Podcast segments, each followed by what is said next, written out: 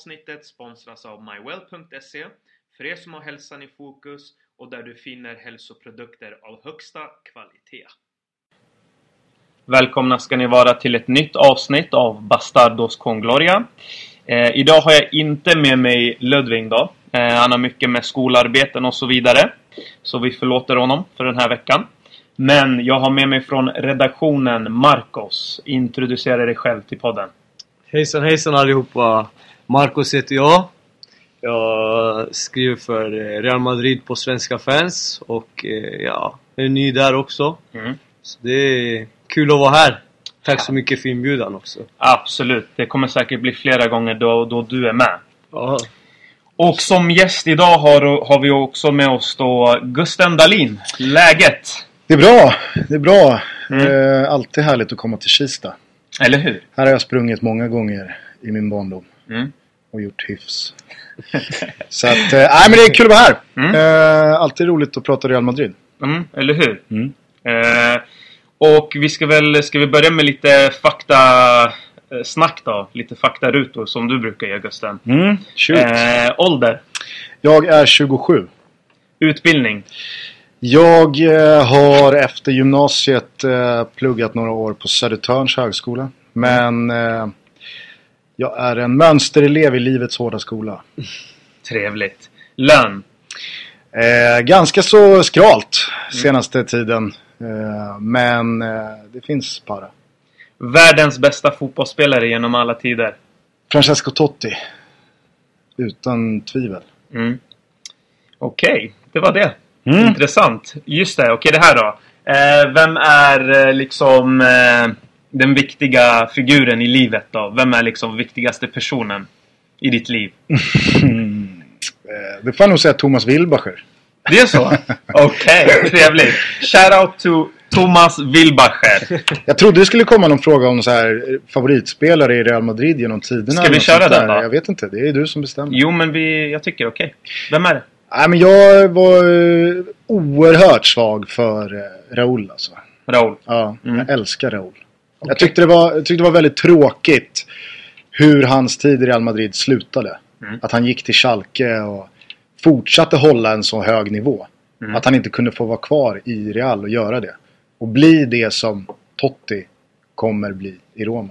Precis, men intressant att du tar upp det här. För att Italien, då är det ju lite mer annorlunda. Eh, där har man ju mycket mer respekt för legender, tycker jag. Alltså i Spanien, det är inte som att bara för att Barca har gjort det nu på senare år, att de inte heller har en historik av att ja, men forsla iväg de som börjar bli gamla. Mm. Så att eh, det är ju väl lite där. Och så var det ju att Mourinho kom till klubben. Det året kan man väl säga. Han, det var ju han som skickade iväg Raúl tror jag. Ja, precis. Sen, sen har, har det ju varit mycket snack om det där. Men alltså det var ju inte i sig han. Alltså det var ju mer att Raúl kom överens att Ja. jag har en sån stor status i den här klubben och jag kan inte liksom bara sitta på bänken.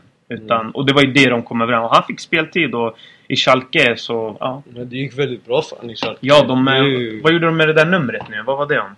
De pensionerade ju hans Pensionerade hans eh, nummer, så var det. tröja efter två Helt sjukt. säsonger. Ja, det, men han, ju- han blev ju favorit där borta. Publikfavorit i Mm. Schalke. Ja, men Jag tror att den stora skillnaden mellan Italien och Spanien där, eller kanske framförallt då Real Madrid och Barcelona som klubbar kontrat italienska klubbar är att Real och Barca är på den här yttersta nivån. Mm. Att de har inte råd att på samma sätt som en klubb som Inter eller Milan eller Roma, som också är stora klubbar, men där kanske det finns lite mer utrymme för att ge ikonerna en eller två eller tre säsonger extra. Mm. Ett lag som Real Madrid, de har inte råd att Raúl går ner 8% Mm. från den spelare han en gång var. Precis.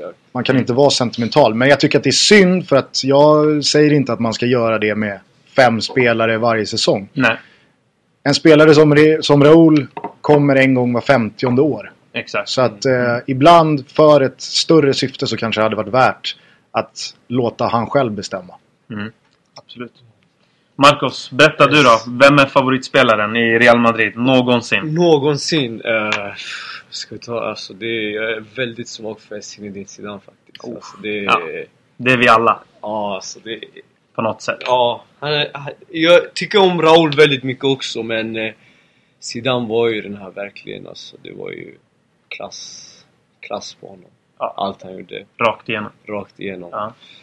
Ja, så det är Zidane är min personliga favorit. Men sen så, det, jag kan ju rabbla upp 11 stycken alltså från... Ja, men du är ju från. Chile så Ja, Zamorano kommer ju någonstans där. Zamorano absolut. Mm. Han eh, är ju... Han gjorde en hattrick på Barca också som... Den eh, glömmer vi aldrig. Som inte går att glömma. Var, det, Så- var den där Det 5-0-säsongen? var 5-0 ja. Det var De 5-0. gjorde 5-0. Eh, vi gjorde 5-0. Men de gjorde också 5-0 först, första matchen. vann de med 5-0. Ja, Sen vann Real. Madrid med 5-0. Mycket möjligt. Mm. Och det var väl då också eh, Raúl hade påbörjat sin eh, framfart där i Real. Precis. Så var, han gjorde assisten då till Mm. eh, Zamoranos tredje mål tror jag det var. Mm. Så han spelade in så han nickade in det. Så det var, ja. Zamorano, han var grym. Men eh, Zidane är min absolut, alltså det, jag kan ju fan Mm. sitta och kolla på hur många YouTube-klipp som helst med Zidane när han spelade. Samma här. Samma här. Man undrar om någon gång, alltså om någon någon gång har svarat Gravesen. Ja, det... Gravesen alltså. Han Ja, är, legenden. han är nog den enda Real-spelaren som har fått så här, en komediserie inspelad efter Men alltså det här, kolla. Den här diskussionen, den vill jag ta upp. Så här är det. Eh, Florentino Perez, han och Silvio Berlusconi. De har ju mycket gemensamt. Båda älskar nummer 10. De, de faller för nummer 10 hårt.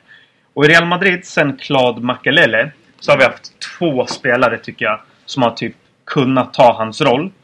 Den ena är ju såklart då Xabi Alonso.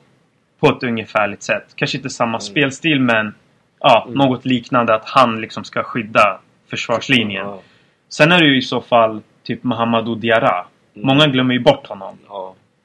Men han var ju också där och liksom... Cambiasso var ju där också, men där eh, gjorde ju Perez, fick ju en eh, Perez... Ja, han Perez Mania. Ja, exakt. och Berlusconi är ju likadan. Mm.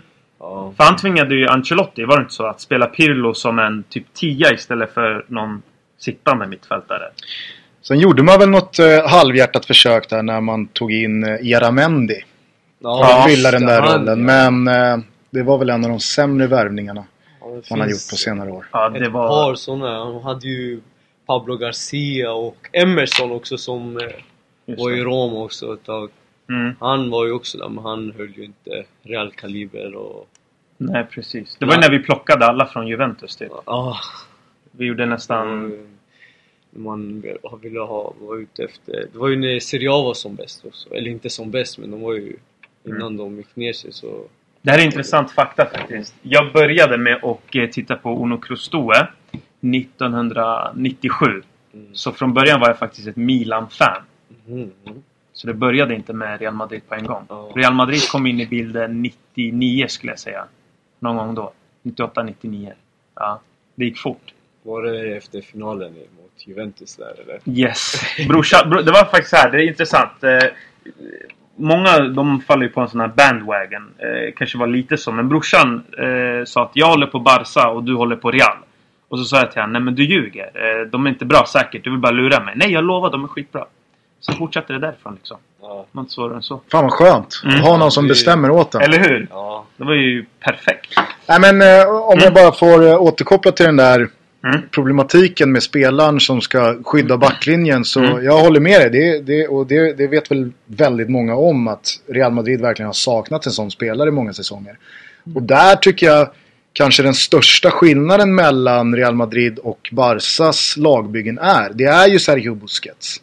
Alltså att det finns en spelare som det egentligen inte förväntas någonting offensivt av. Utan hans uppgifter är åt andra hållet. Han ska vinna bollen, han ska fördela bollen. Mm. Det är det han ska göra. Real Madrid har ju egentligen inte haft den mentaliteten kring en enda spelare. Eh, I alla fall framför backlinjen, om ens det. Utan ytterbackarna ska ju vara lika mycket bidragande i offensiven som, som anfallarna. Och, och någonstans så, så tror jag att eh, det har varit en avgörande positionsskillnad i Real Madrid och Barca och varför de har svajat så mycket upp och ner. Barca har ju mer varit konstanta. Eh, Medan Real Madrid har prickat in bra säsonger och sämre säsonger. Mm. Det tror jag kan härledas mycket till den här positionen. Definitivt. Absolut, absolut. Det där Vad är, tycker du Marcos? Eh, Det är där som vi har blödit i säsong efter säsong nu. fram tills, ja, tills Casemiro.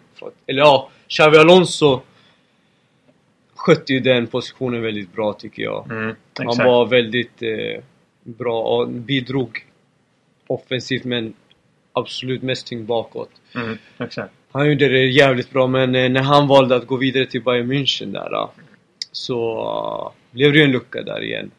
Och eh, då Mm. kom ju Kroos som skulle som folk hade förväntningar på sig att han skulle fylla upp det men han är ju inte för fem öre, han är Mm. inte den typen av spelare. Så ja, men det är absolut den positionen som är den största akilleshälen som vi har haft i Real Madrid de senaste åren då sen Makelele försvann. Exakt. Men om vi spinner vidare på det här. Eh, fansen nu diskuterar mycket i och med att det har blivit eh, fyra raka kryss. Eh, och det har lett till många diskussioner och dispyter mellan fansen. Nu pratar man där om man ska ha en spelidé. Det kan ju vara bra. grundspel. Det är ju riktigt bra. Men eh, vissa hävdar att det är överskattat. På ett sätt. För att idag så, tro, så säger ju många att men Real Madrid, vi förlitar oss på individuell briljans. Men det var någon som skrev på forumet på Real Madrid på Svenska fan. Han skrev något intressant inlägg ändå som jag tycker många ändå höll med. Hur många har det idag? Hur många litar inte på ändå på individuella prestationer? Så jag menar, vad tycker ni just om den frågan? Alltså det, Det- här med, det är ju typ Barca som har ändå kommit mycket med det. Det, är- det är ju lite mer om eh, filosofi tycker jag. Alltså, Mm. typ, vi ser ju, vi har ju tysk fotboll, Klopp. Mm. Liksom, det, I Tyskland, där går ju pressen. Det handlar ju mycket om press. Mm, Sen har vi ju Spanien, där handlar det mycket om bollinnehav. Mm.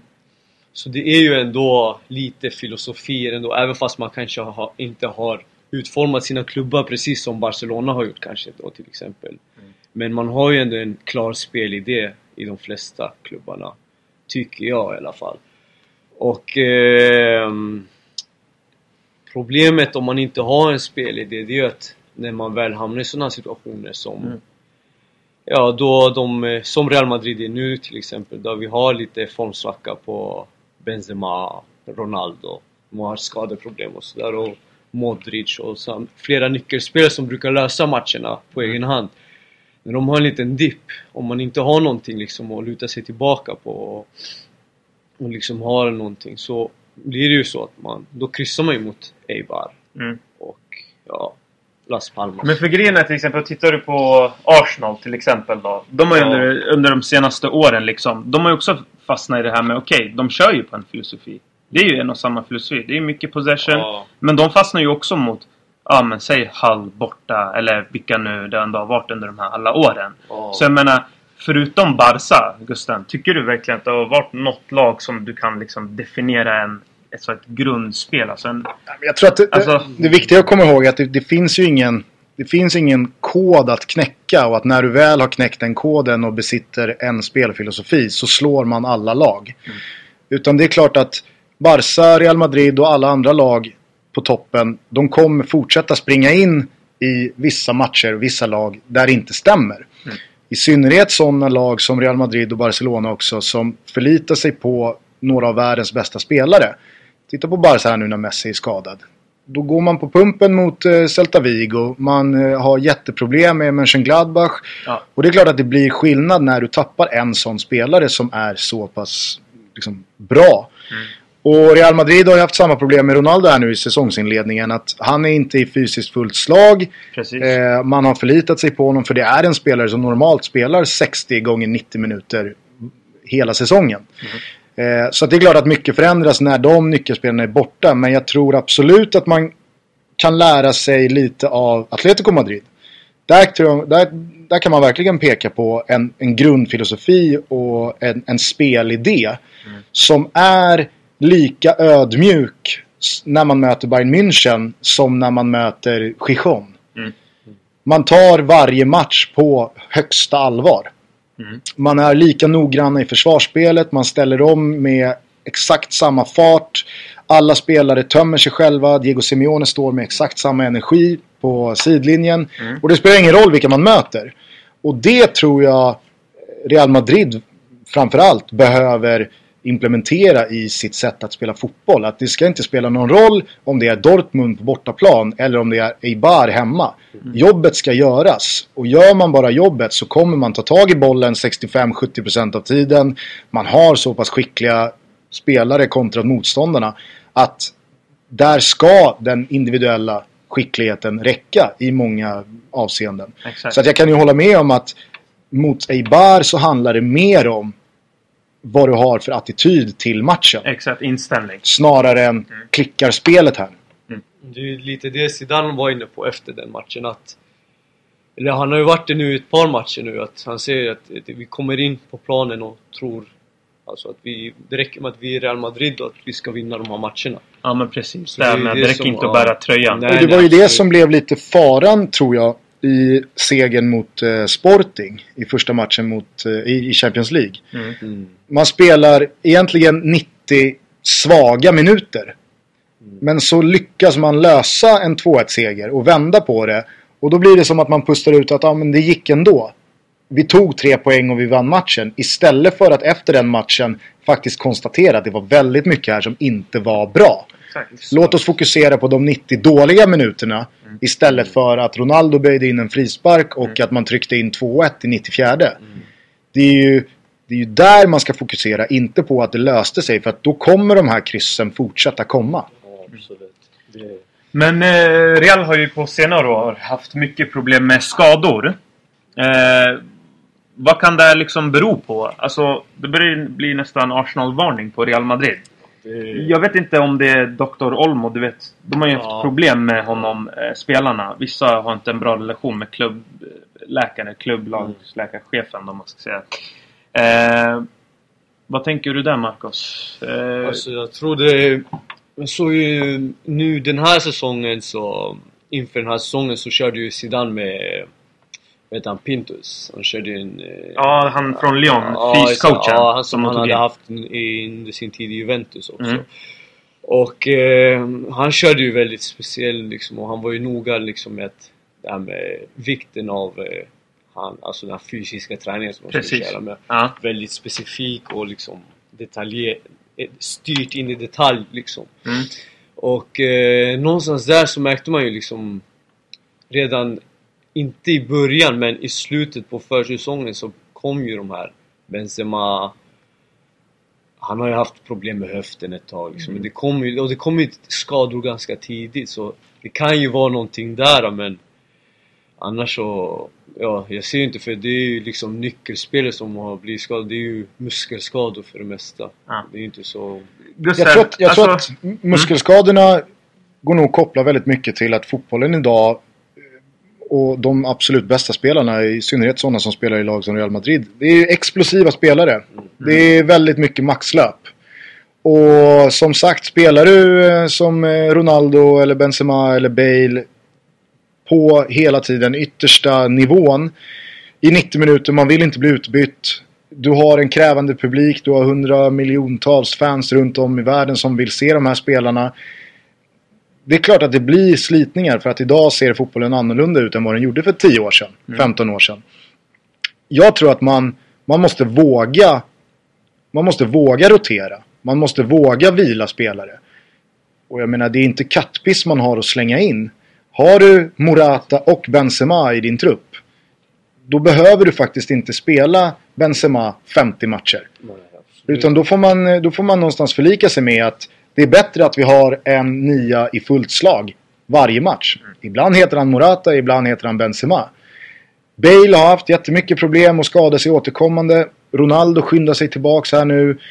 Det, det går ju att peka på hur många spelare som helst i Real Madrid som kanske går på det för snabbt, för intensivt också. Eh, och det är väl det som har märkts den här säsongsinledningen. Jag vet inte vad ni säger men jag vet inte om jag tycker att Real Madrid har kunnat ställa upp med sitt starkaste lag en enda match än. nej, de har inte gjort det. Det är ju det många tidningar har skrivit och liksom varit inne på. Eh, Marca, AS. Mm. De skriver ju alltid hur ofta är det att BBC under en lång period spelar ihop med varandra. Det är väldigt förra irriterande. Var det, förra säsongen hade ju Bale väldigt mycket skadeproblem och Mm. sen när han kom tillbaka då var det ju Ronaldo som eh, var skadad någon vecka där Ja. om jag inte minns fel. Och sen Precis. hade ju Benzema börjat med sina höftproblem där Ja. också. Så det är ju väldigt, det är som du säger, de blev väldigt hårt matchade. Men då kan man ju då jämföra med Suarez, Messi och Neymar som verkligen kan spela varje match alla tre tillsammans. Nu är Messi skadad absolut och Neymar har varit Messi borta. har ju haft väldigt lite Ja. mer återkommande. Men de senaste två säsongerna här så har man ju sett de tre spela bredvid varandra väldigt långa perioder av säsongen. Och det tror jag kan härledas till att Barca spelar på ett annorlunda sätt än vad Real Madrid gör. Ja. Med en väldigt liksom, pressad possession. De behöver inte ta 60 meters löpningarna för att de erövrar bollen så djupt ner på motståndarens planhalva. Att de parkerar någonstans där. Definitivt. Jag tror att mäter du hur långt Neymar springer eller Suarez springer på en match och jämför med Bale så tror jag att Bale springer ganska så mycket längre under 90 minuter än vad Suarez gör. För att de har parkerat sitt spel på sista tredjedelen. Och sen så är det korta instick, det är vrickningar, det är one-touch, det är väggspel. På mycket mindre ytor. Och över eh, en eller två eller tre säsonger så är det klart att det där tar ut sin rätt. Vi säger nu att skadorna fortsätter och, och den här dåliga formen fortsätter. Vad tror ni väntar Zidane? Mm. Alltså det är ju just det här med... um, Alltså det känns som att de här tre... Ny, alltså de tre senaste skadorna, det känns väldigt mycket otur alltså. Det är just nyckelspelarna Modric, Casemiro och Marcelo. Så det tycker inte jag man kan lägga på... Zidane och Nej, klubb, alltså alltså det- klubb... Det är väldigt mycket ot- Att det är just Läkarna. de tre positionerna som är som mest utsatta liksom och Det är inte Zidans fel. Det är, kanske kan man lägga det på ledningen då som inte har eh, gjort tillräckligt för att hämta in Bättre eller- Ja, ja. alltså med, så att man kan rotera. Så man har råd att vila Casemiro lite och Marcelo och Modric är ju Modric liksom men eh, Ja, för Zidans del så det gäller ju liksom bara att eh, få spelarna, för det är inga dåliga ersättare vi har. Nej, Det är inga precis. dåliga spelare. vi Det var ju länge sedan vi hade sån här bra bänk. Ja, alltså det, bänken är ju, det är ju som, eh, som du sa Gustina, det är ju inga dåliga spelare vi har att slänga in här utan det är ju, det är ju verkligen världsklasspelare. Vi har ju Lucas Vasquez liksom, vad är det för spelare? Han är ju grym som helst. Precis, Alltså, hade ju- tagit lätt en startplats i Ja, andra vilket lag klubbar. Asensio, vil- vilken talang. Och Kovacic, han har ju liksom ryckt upp sig också liksom. Så det är ju... Men väntar sparken då för Zidane? Tror alltså du det? jag tror inte det. Jag tror... Om jag har... nu vi ser att det fortsätter i, i riktigt illa, det blir inga titlar. Jag tror att livlinan har ju varit att eh, vare sig Barca eller Atletico har gått rent och det finns ett avstånd på 9 poäng redan. Trots att man har hackat en del och fått en del kryss så är man ju fortfarande liksom, i allra högsta grad med i Ja. liga-racet. Ja. Eh, man har eh, fyra poäng eh, på två matcher i Champions League. Man har klarat av då Dortmund på bortaplan. Alla vet ju att skadorna är i slutändan kanske Zidans ansvar det också. Men jag tror att det finns en förståelse för att Real Madrid har ännu inte kunnat spela bästa laget. Får han väl göra det så tror jag absolut att eh, Real Madrid eh, och Zidane kommer plocka ett gäng segrar på rad. Då blir det också väldigt svårt med tanke på att han faktiskt vann Champions League-titeln i våras. Att det ska börja storma direkt. För att det kommer inte avgöras huruvida man vinner eller inte Champions League eller ligan förrän i vår. Och jag tror att den status som Zidane ändå har bland supportrar, spelarna, eh, presidenten, media. Och jag tror att han själv inte vill vara någon annanstans heller. För har du väl tagit Real Madrids A-lag, då är det svårt att gå tillbaka och gå ner ett steg och börja om. Och ta ett lag i Frankrike eller ta ett mindre lag. Nu har han ju tagit Real Madrid. Det är klart att han vill vara kvar här. Eh, så att jag tror absolut att Zidane skulle kunna klara sig eh, med en titellös säsong också. Sen är det skillnad på titellösa säsonger och titellösa säsonger. Precis, det beror på om Du kan, ha stolpe ut, och- du kan ha stolpe Ja. ut i sista matchen. Mm. Eh, och du kan eh, gå till final i Champions League. Alltså, Atletico Madrid vann ingen titel i fjol heller. Eh, men jag tror att det var ganska många som var nöjda med deras prestation ändå. Mm. Eh, så att eh, jag tror inte det blåser så snålt om Zidane. Men alldeles oavsett skador, alldeles oavsett hur mycket det hackar. Man måste slå i bar hemma. Så är det bara. Ja. Precis, ja, det var en pinsam insats. det var- Vi, du och jag var- pratade om ja, det. det Det, är bedrövligt hur man inte kunde slå Eibar hemma. Så all respekt till Eibar. Ja. Men det här var ju också någonting Zidane pratade om. Det är hur effektiva man är framför målet. Och det har man ju faktiskt inte varit. Så att Real Madrid-fans, vi är ju kända för att... Ja, direkt när det blåser lite, då blåser det för fullt. Det Ja. finns ingen mellanting. Det är antingen det är katastrof eller så är det... We're the top of the game. Ja, men det är väl bara att kolla på vad det har varit för ruljans på tränare i Real Madrid på 2000-talet. Ja. Det är ganska många stora namn som har fått gå ganska så snabbt. Och det är därför som jag tror, alltså det är, Jag tror inte Perez kan bara skicka iväg Zidane som vem som helst. Nej, det är, jag det är. Zidane, han kan inte behandla honom hur som helst. Det finns... Där liksom, han kan inte liksom bara skicka iväg honom som han gjorde med Benitez till exempel. Efter en, mitt i säsongen eller så. Och sen så ska man inte glömma heller att Zidane hade ju bara... Hade, hur många säsonger hade han i Castilla? Var det en och en halv eller? Ja, något liknande. Ja, och det är inte är många. liksom inte många säsonger han Nej. hade. Och eh, inför... Innan han fick rollen som Real Madrids tränare. Då sa han ju själv i media att han var inte redo för det här. Han Mm. sa ju att han ville ha ett år till. Mm. Men att om Real Madrid vill ha honom så är han redo. Alltså, för Real Madrids skull. Men helst så vill han ha ett år till. Och eh, därför tycker jag att, ja visst. Det mesta som han ju verkligen gjorde när han eh, kom nu, det var ju att, eh, ja han eh, höjde väl moral, alltså moralen höjdes ju i truppen. Mm. Och det var det kanske som ledde till att eh, spelarna fick ut sitt. Liksom. Ronaldo fick ut sitt och Precis. Benzema och Bale och sådär och alla liksom, det blev en helt annan harmoni när han kom in i klubben och eh, Mm. Eh, det var väl mest det som gjorde att Real Madrid klarade av att ta Champions League-titeln. Och eh, för att, ja, när, som vi var inne på innan Ibland behöver man ingen, inte så mycket filosofi utan det är mer liksom, har man kvaliteten så kl- klarar man det ändå. Och det var lite Precis. så som Real Madrid klarade sig igenom förra säsongen Mm. och ändå höll på att vinna ligan. Det var väldigt nära in till sista omgången. Precis. Så därför tycker jag att eh, nu, nu börjar ju allvaret för Zidane här. Allvaret har kommit igång här och eh, han får lösa det här och jag tror jag tror inte som presidenten, han kommer nog ha överseende för det här liksom. Men samtidigt så kan han ju inte stå och eh, säga att han inte är redo. Nu är han ju tränare för Ja, A-laget. Då är det bara att gilla läget. Ja, Eh, det går inte att peka på att ja, men jag har inte erfarenheten nog. Jag hade velat köra ett år till i Castilla. Ja, Men då, då hade du fått tacka nej. Mm. Nu är du ju här. Så att, eh, det, det, det är bara Jag tror- visa vem som alltså, bestämmer. Han, han kommer ju lätt ta sitt ansvar och fortsätta härifrån. Och som sagt, eh, vi kan ju säga så här. När Ronaldo inte är i form, ja. Då har vi sett lite hur det går. Mm. Samma sak som när Messi inte kan leverera för Barca. Då, är- då är det kanske också där att det, det fastnar lite. Men Och då vill- samtidigt, jag tyckte ändå det var en positiv signal där att Zidane tog ut honom mot Las Palmas. Att Zidane visar att jag vet att du är Cristiano Ronaldo. Mm. Men flyger inte så flyger inte den här matchen. Då tar jag ut dig. Och det tror jag i förlängningen, nu gick det inte så bra ändå. Nej. Men jag tror att det är en sund inställning att ha som tränare, även för Real Madrid, även när du har Cristiano Ronaldo på plan. Zidane vet att ibland så stämmer det inte och då får man faktiskt ta av spelare. Får jag bara fråga en grej? Alltså, när Ronaldo väl inte har levererat då. Då är det ju så att andra spelare ska ju träda fram. Mm. I Barca, då kan vi titta på när Messi, när han var på toppen där med Pep Guardiola och allting. Många eh, fokuserar ju på vad Messi gjorde. Men vi glömmer ju bort att Xavi var på toppen. Mm. Iniesta var på toppen. Puyol var där uppe. Abidal. Alltså, allt stämde ju. Och alla var där och bidrog. Men oftast har det blivit så när Ronaldo inte kan leverera. Så har det inte varit så att Bale alltså, konstant har levererat. Eller Benzema.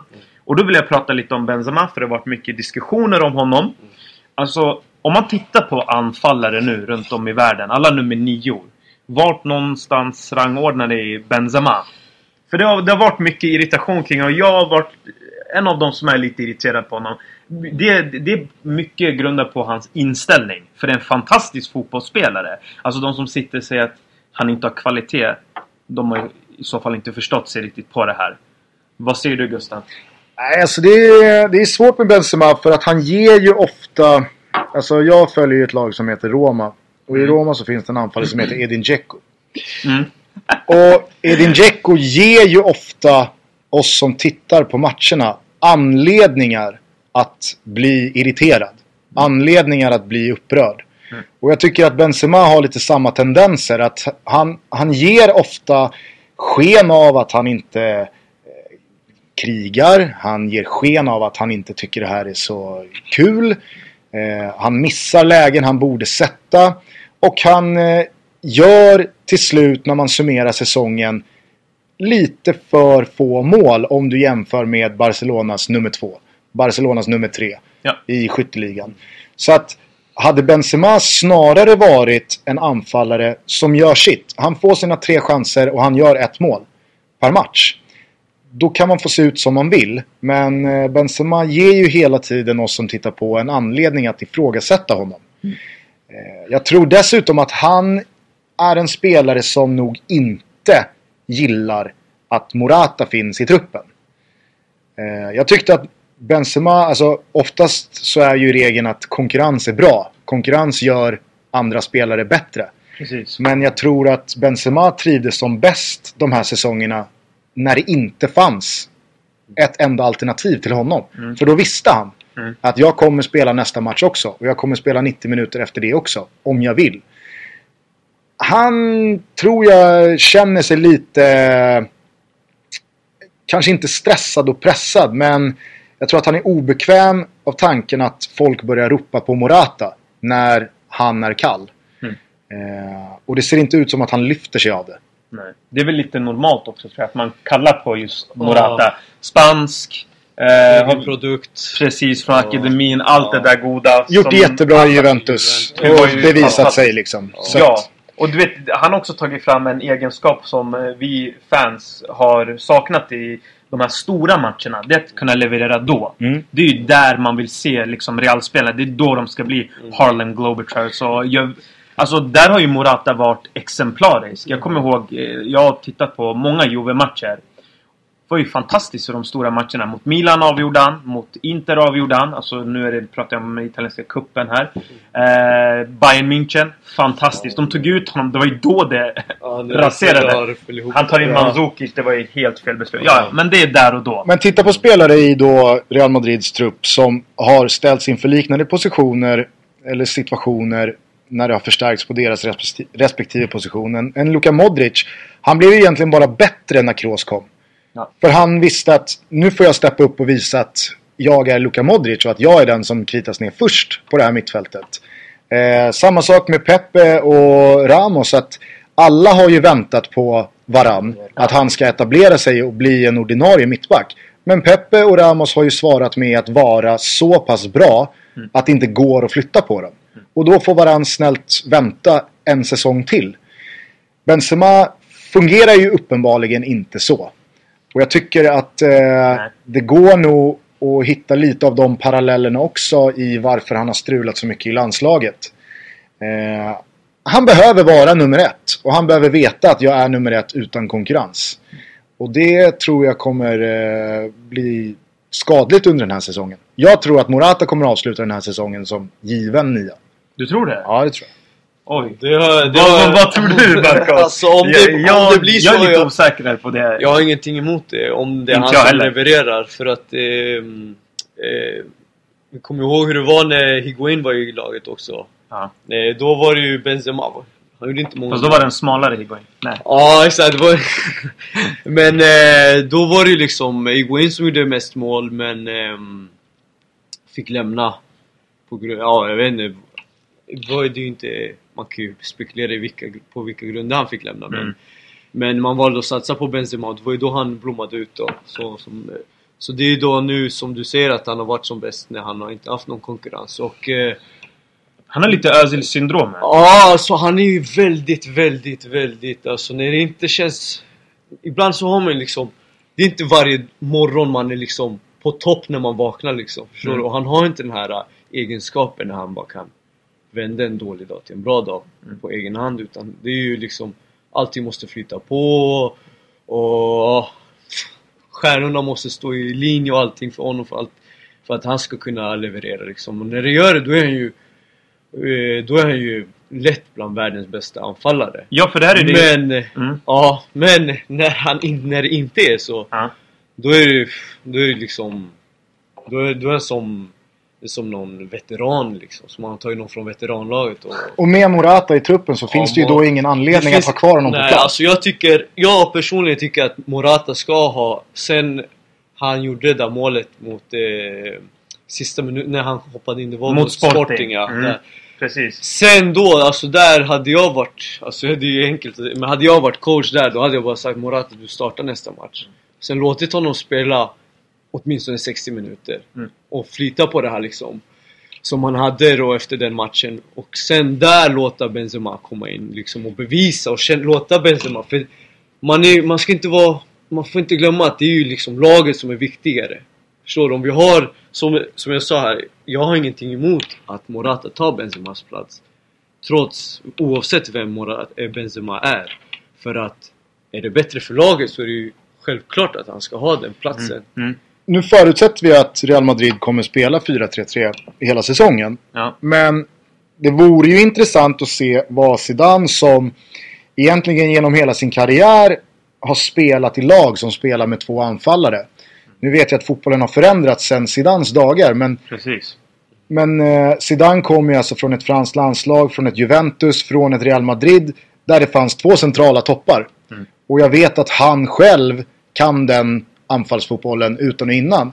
Med den truppsammansättningen han har nu så vore det ju intressant att se honom i alla fall försöka i någon match Mm. spela eh, med två centrala toppar. Och det kanske skulle passa ännu bättre ifall Ronaldo fortsätter att få lite småskador här och där. Med Ronaldo och Bale friska så tycker jag inte det är något snack. Då ska man spela 4-3-3 för att det, det, det, det passar de två spelarna bäst. Ja.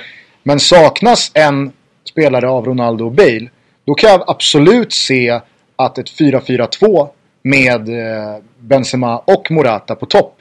Bale är, är, är fortfarande en så pass ödmjuk spelare Ja. att han skulle spela ute på en kant i ett, på ett fyrmanna mittfält utan problem. Du skulle dessutom kunna få in James eller eh, vem du nu vill spela eh, på andra hållet. Och jag tror att det, det, skulle, det skulle vara en styrka för Real Madrid att ha det som en plan B. Inte minst då för att ge både Benzema och eh, Morata speltid. Men om vi, vi leker lite här med tanken då. Eh, Corriere dello Sport frågade Sabatini här då. Eh, om ett rykte som kopplade honom till Real Madrid. Ja, Eh, han svarade på det att eh, han själv söker utmaningar då i mindre lag då, inte toppklubbarna. Vad skulle Sabatini göra om han fick välja mellan Benzema och Morata? Eller vem skulle han ta in då? Eh, menar du i sin roll nu eller är det alltså... Ja. Ja, nej, jag vet inte. Alltså, Walter Sabatini har inte gjort ett rätt på ett år. Så att eh, han, vad han än hade valt så hade det varit fel. Mm. Eh, nej, men jag tror att eh, i dagsläget så tror jag faktiskt att få sportchefer hade valt Benzema före Morata. Och det tror jag mest handlar om att Morata, han har framtiden för sig. Benzema, han pushar 30. Eh, han har haft eh, skadeproblem. Han är en erkänt, i alla fall om vi tittar på hans eh, relation till franska landslaget, en strulig spelare. Eh, så att eh, jag tror att ganska få sportchefer hade valt Benzema före Morata att, att sätta i sin, eh, i sin trupp. Ja, så det kommer ju bli I intressant. synnerhet då italienska som känner Morata från hans säsonger i Juventus och vet. Morata är väl nästan större i Italien än vad Ja, han är i Spanien nästan. Exakt, så att eh, är det några som verkligen eh, vet om Moratas storhet så är det ju italienarna. Fast det många glömmer bort ju, det är att eh, Real Madrid, det är en, eller de glömmer inte bort just det här med att det är en väldigt politisk klubb. Mm. Och Perez, han älskar Benzema. Ja, det tror jag inte det folk ju- fattar. Alltså de har inte förstått det. Perez höll ju på i flera säsonger, alltså sen Benzema Slog ju igenom slog typ igenom i Lyon. Lyon. Ja. Där har, sen dess har han försökt få, få in honom i Real. Ja. Och eh, det är ju, det, jag tror det är mycket därför som man valde att skicka Higuain till Italien, till Napoli då. Och, och för att verkligen, för att eh, Benzema skulle få ha sin roll som nia. För att de, de säkert så såg de väl att ah, han mår inte så bra utav konkurrensen. Men han har kapaciteten, alltså han har potentialen. Vad kan, då gjorde de väl kanske det som var enk- bäst för honom då. Ja. Men precis som vi inledde den här eh, podden med att säga om Raúl. Mm. Så är Real Madrid en klubb som inte har råd att eh, ge spelare, även fast det är Perez favoriter, Mm. hur lång tid som helst. Levererar man inte, då levererar man inte. Fast tittar man på statistiken ju så är ju ändå Benzema ganska högt upp. Ja, ja, herregud. Alltså, killen och är det ska han ju vara. Alltså, ja, alltså i ett lag som Real Madrid. Ja. Precis när du har Cristiano bredvid dig Ja. och Gareth Bale och Özil och Di Maria och alla som har liksom spelat. Spelar, ja, Och en 10, 12, 15 matcher per säsong är sådana där du kan putsa dina stats ordentligt. exakt. Mm. Och det är ju, men- det som man också te- måste tänka på det är hur Real Madrid spelar. Det är, de har ju de tre anfallarna där framme när BBC spelar. Och eh, då är ju Ronaldo och Bale, de är ju inga mästare på små ytor. De är, det är inte, de är ju inte det. Nej. De vill ju ha lite mer ytor att springa på. Och Benzema däremot, han är väldigt skicklig på små ytor. Och kan liksom gå ner, ta bollen, hålla i den. Han har Jag säger att det alltid är världens ja. smartaste nia. Ja absolut, han är väldigt smart. Tycker jag. Lite som eh, Raúl nästan var, där han var också väldigt smart och gick ner och mötte och liksom Mm. bidrog mer i spelet än vad han gjorde i målskyttet på slutet av sin karriär i Real. Men, eh, men Benzema har ju lite mer de egenskaperna. Och det är ju det som eh, är grejen att för att om man ska köra med Morata då kanske man måste lägga om anfallsspelet lite grann. För man kanske inte, för Morata är han en sån spelare som är som Benzema. Som kan vara lite släpande eller ja, lite Alltså, bollmottagare. Tittar man Klarar på... han av det? Ja, alltså tittar man på Moratas utveckling. När han ko- först började, då, så, då, så, då var han ju helt stissig, virrig och visste inte Mm. vad han skulle göra. Men sen de här, vad vad är det nu? Tre säsongerna? Två säsongerna? Två, ja, två Juventus. säsonger. Juventus. Ja. Då har han ändå visat det här mer på, alltså, på det tekniska planet. Han kan ta emot en boll, göra sin gubbe med sin snabbhet och han har ändå visat att han kan bidra Ja. till spelet. Nu hade jag kanske önskat att eh, här mot slutet, jag trodde han skulle ta en startplats i Juventus. Varför han aldrig kanske riktigt gjorde det, alltså att han hade en cementerad plats, det vet jag inte. Men jag tycker ju rent tekniskt att alltså, utvecklingen går ju spikrak uppåt. Jag tror att eh, Juventus visste att vi kan få lite bättre. Mm. Och med italienska mått mätt så förstår jag att man plockar en Iguain. Mm. För dels så slår du på kanske 10-12 mål eh, i ligaspelet. 15 mål över hela säsongen. Du försämrar Napoli som är den stora utmanaren till Juventus. Samtidigt så får du in eh, lite att skära emellan i cashen till Morata. Eller tillbaka till Real Madrid för Morata. Så att jag tror att Juventus visste vad de gjorde. Jag tror inte Juventus ville bli av med Morata för att de inte tyckte att han var speciellt bra. Utan eh, jag tror att de, de gjorde analysen att med de här pengarna vi kommer få in för Paul Pogba så har vi råd att plocka Iguain. Mm. Och det blir en, en bättre kalkyl för oss i förlängningen. Mm. Men jag tror att eh, Morata visade ju i synnerhet under sin tid i Juventus att han också är en spelare som fungerar i ett tvåmannaanfall. Så att, eh, det vore väldigt intressant att se dem eh, försöka testa det i alla fall. För att, eh, Jo, för Zidane var ju inne på det lite i försäs- under försäsongen där, att han tränade Morata och Benzema tillsammans där. Men eh, de fick aldrig chansen att spela ihop under försäsongen eftersom att Benzema var ju skadad och spelade inte en enda match, en, inte en enda minut Precis. under hela försäsongen. Så att... Eh, sen vet jag inte hur ni ser på den här men jag har en liten teori om varför det kan ha låst sig lite för en sån som Benzema. Eh, om man jämför då med, det blir ju väldigt lätt att göra den kopplingen, men om du jämför med Suarez och Messi och Neymar så tycker jag att det som har varit väldigt intressant att se i deras produktion av mål assist är att det finns en, en eh, nästan total frånvaro av egoism. Mm. Och då ska man komma ihåg att Suarez från sin tid i Liverpool var en väldigt, väldigt egoistisk spelare. Han skulle göra det själv. Neymar har eh, liksom innan hans tid i Barca har många av oss bara sett i landslaget, kanske några fåtal matcher i Brasilien. Det var ju väldigt mycket one man show. Ja. Och Messi, han gavs den platsen. Vi vet alla varför Zlatan fick lämna och så vidare och så vidare. Mm. Det var väldigt mycket huvudfokus på Messi. Han ska få göra som han vill. Men det de tre har utvecklat i att de passar varandra när de lika gärna kan skjuta själva. Mm.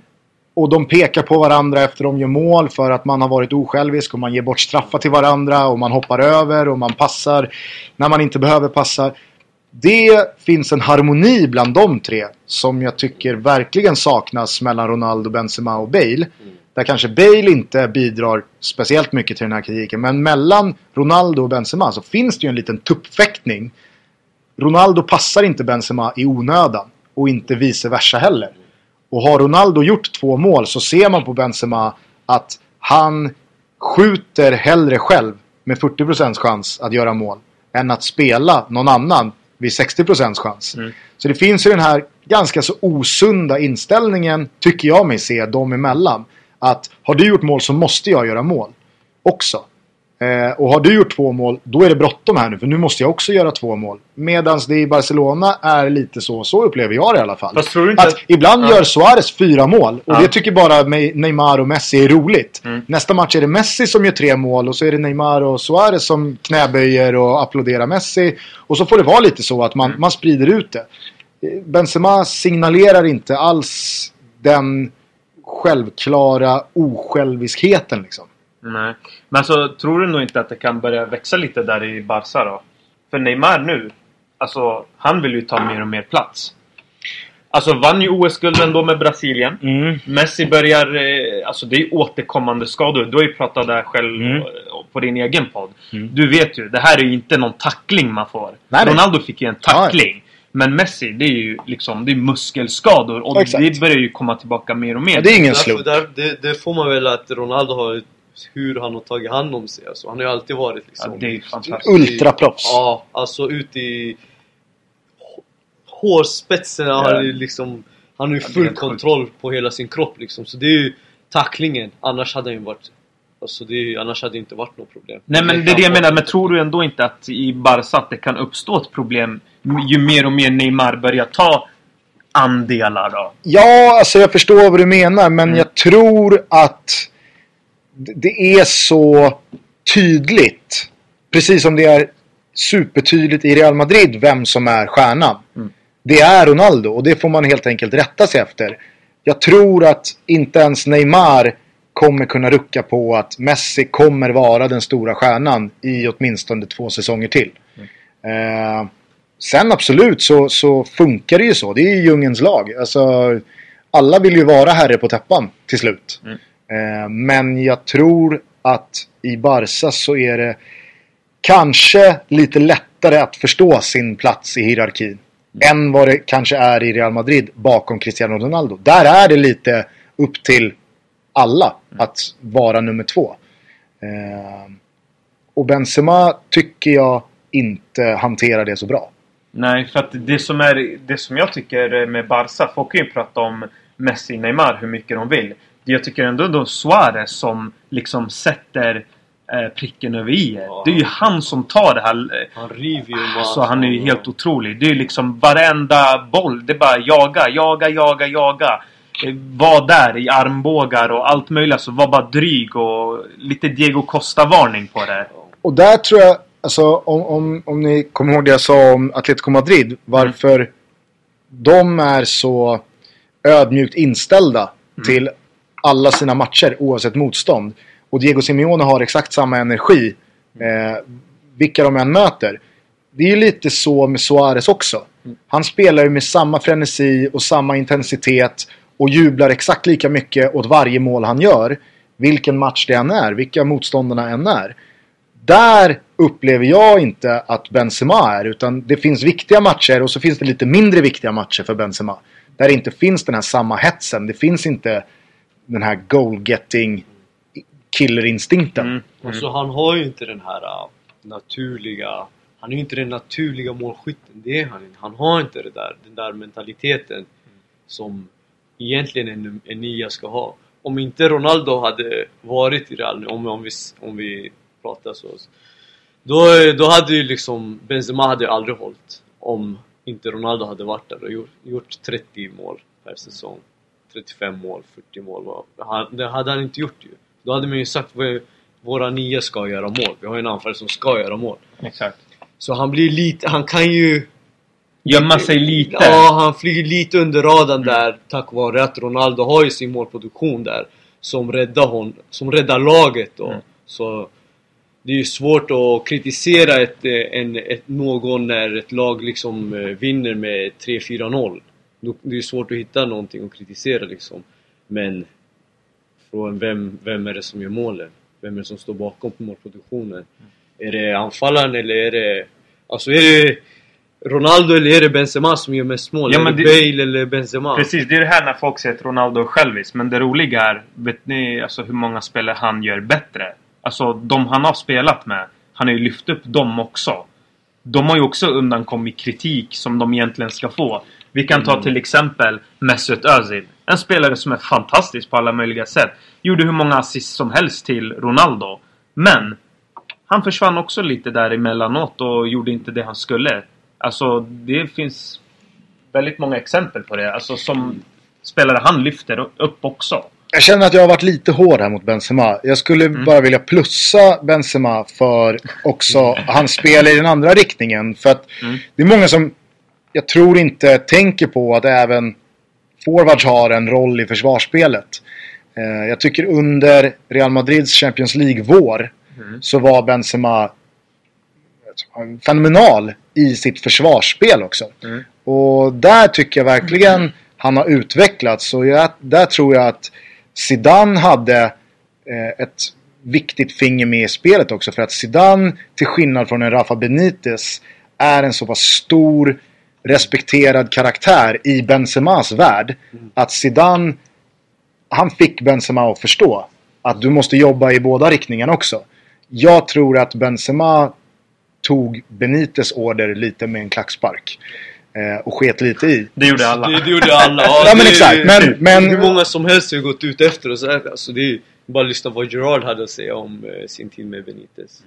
Han hade ju ingen an- aning om vad Benitez... Fast där måste jag komma in bara lite om Benitez här, bara snabbt, Mm. eh, när vi ändå är inne på honom. Ja. Alltså det är en kille från akademin. Han älskar Real Madrid. Fick tårar på presskonferensen. Nu säger jag inte att det ska gömma undan det han gjorde. Men han Det hade lite... du säkert också fått. Ja, ja, garanterat. Ja, ja. Det kommer snart. Vi får se. eh, men, alltså grejen han fick ju väl lite mycket skit ändå.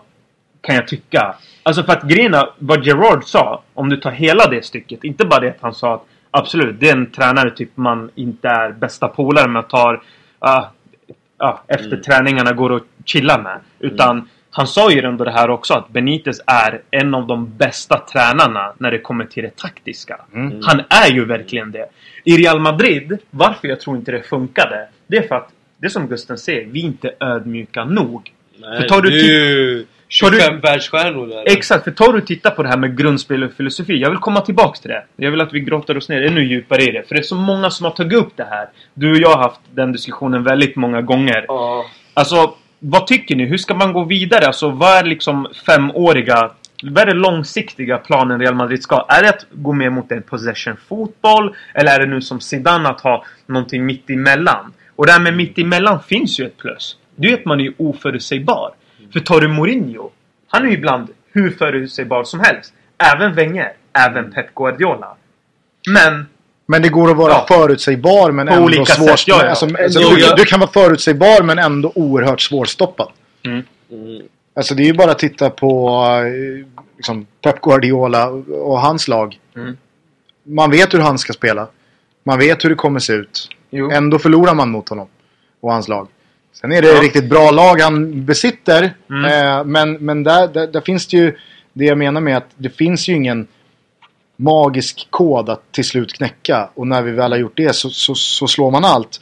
Utan jag tror att Real Madrid är ju inne i en, i en fas där man måste välja lite att spelar vi för en säsong i taget?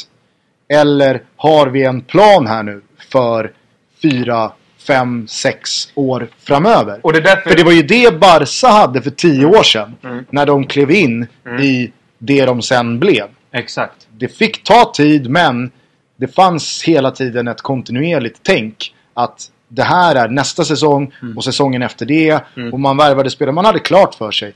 Real Madrid är ju inne i en tid nu. Vi kan titta på en överskådlig framtid på kanske en och en halv säsong. Vad är planen med spelare som Sergio Ramos, Mm. Cristiano Ronaldo, Mm. Luka Modric, Pepe. Ja.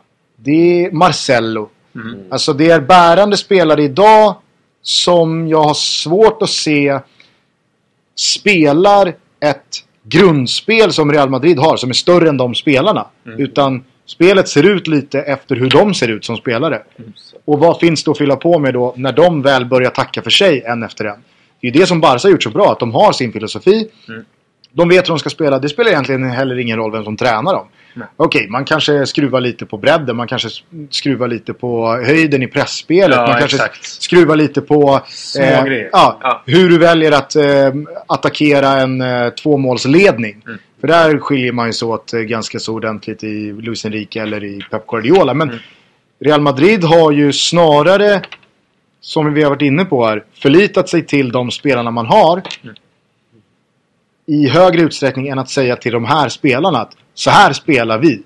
Det här är vår tanke. För där har man ju bytt från Mourinho till Ancelotti till Benitez Ja. Till Zidane. Det är därför jag är flintskallig Det är nästan, helt olika det. skolor. Det är helt olika typer av fotboll Mm. man ska spela.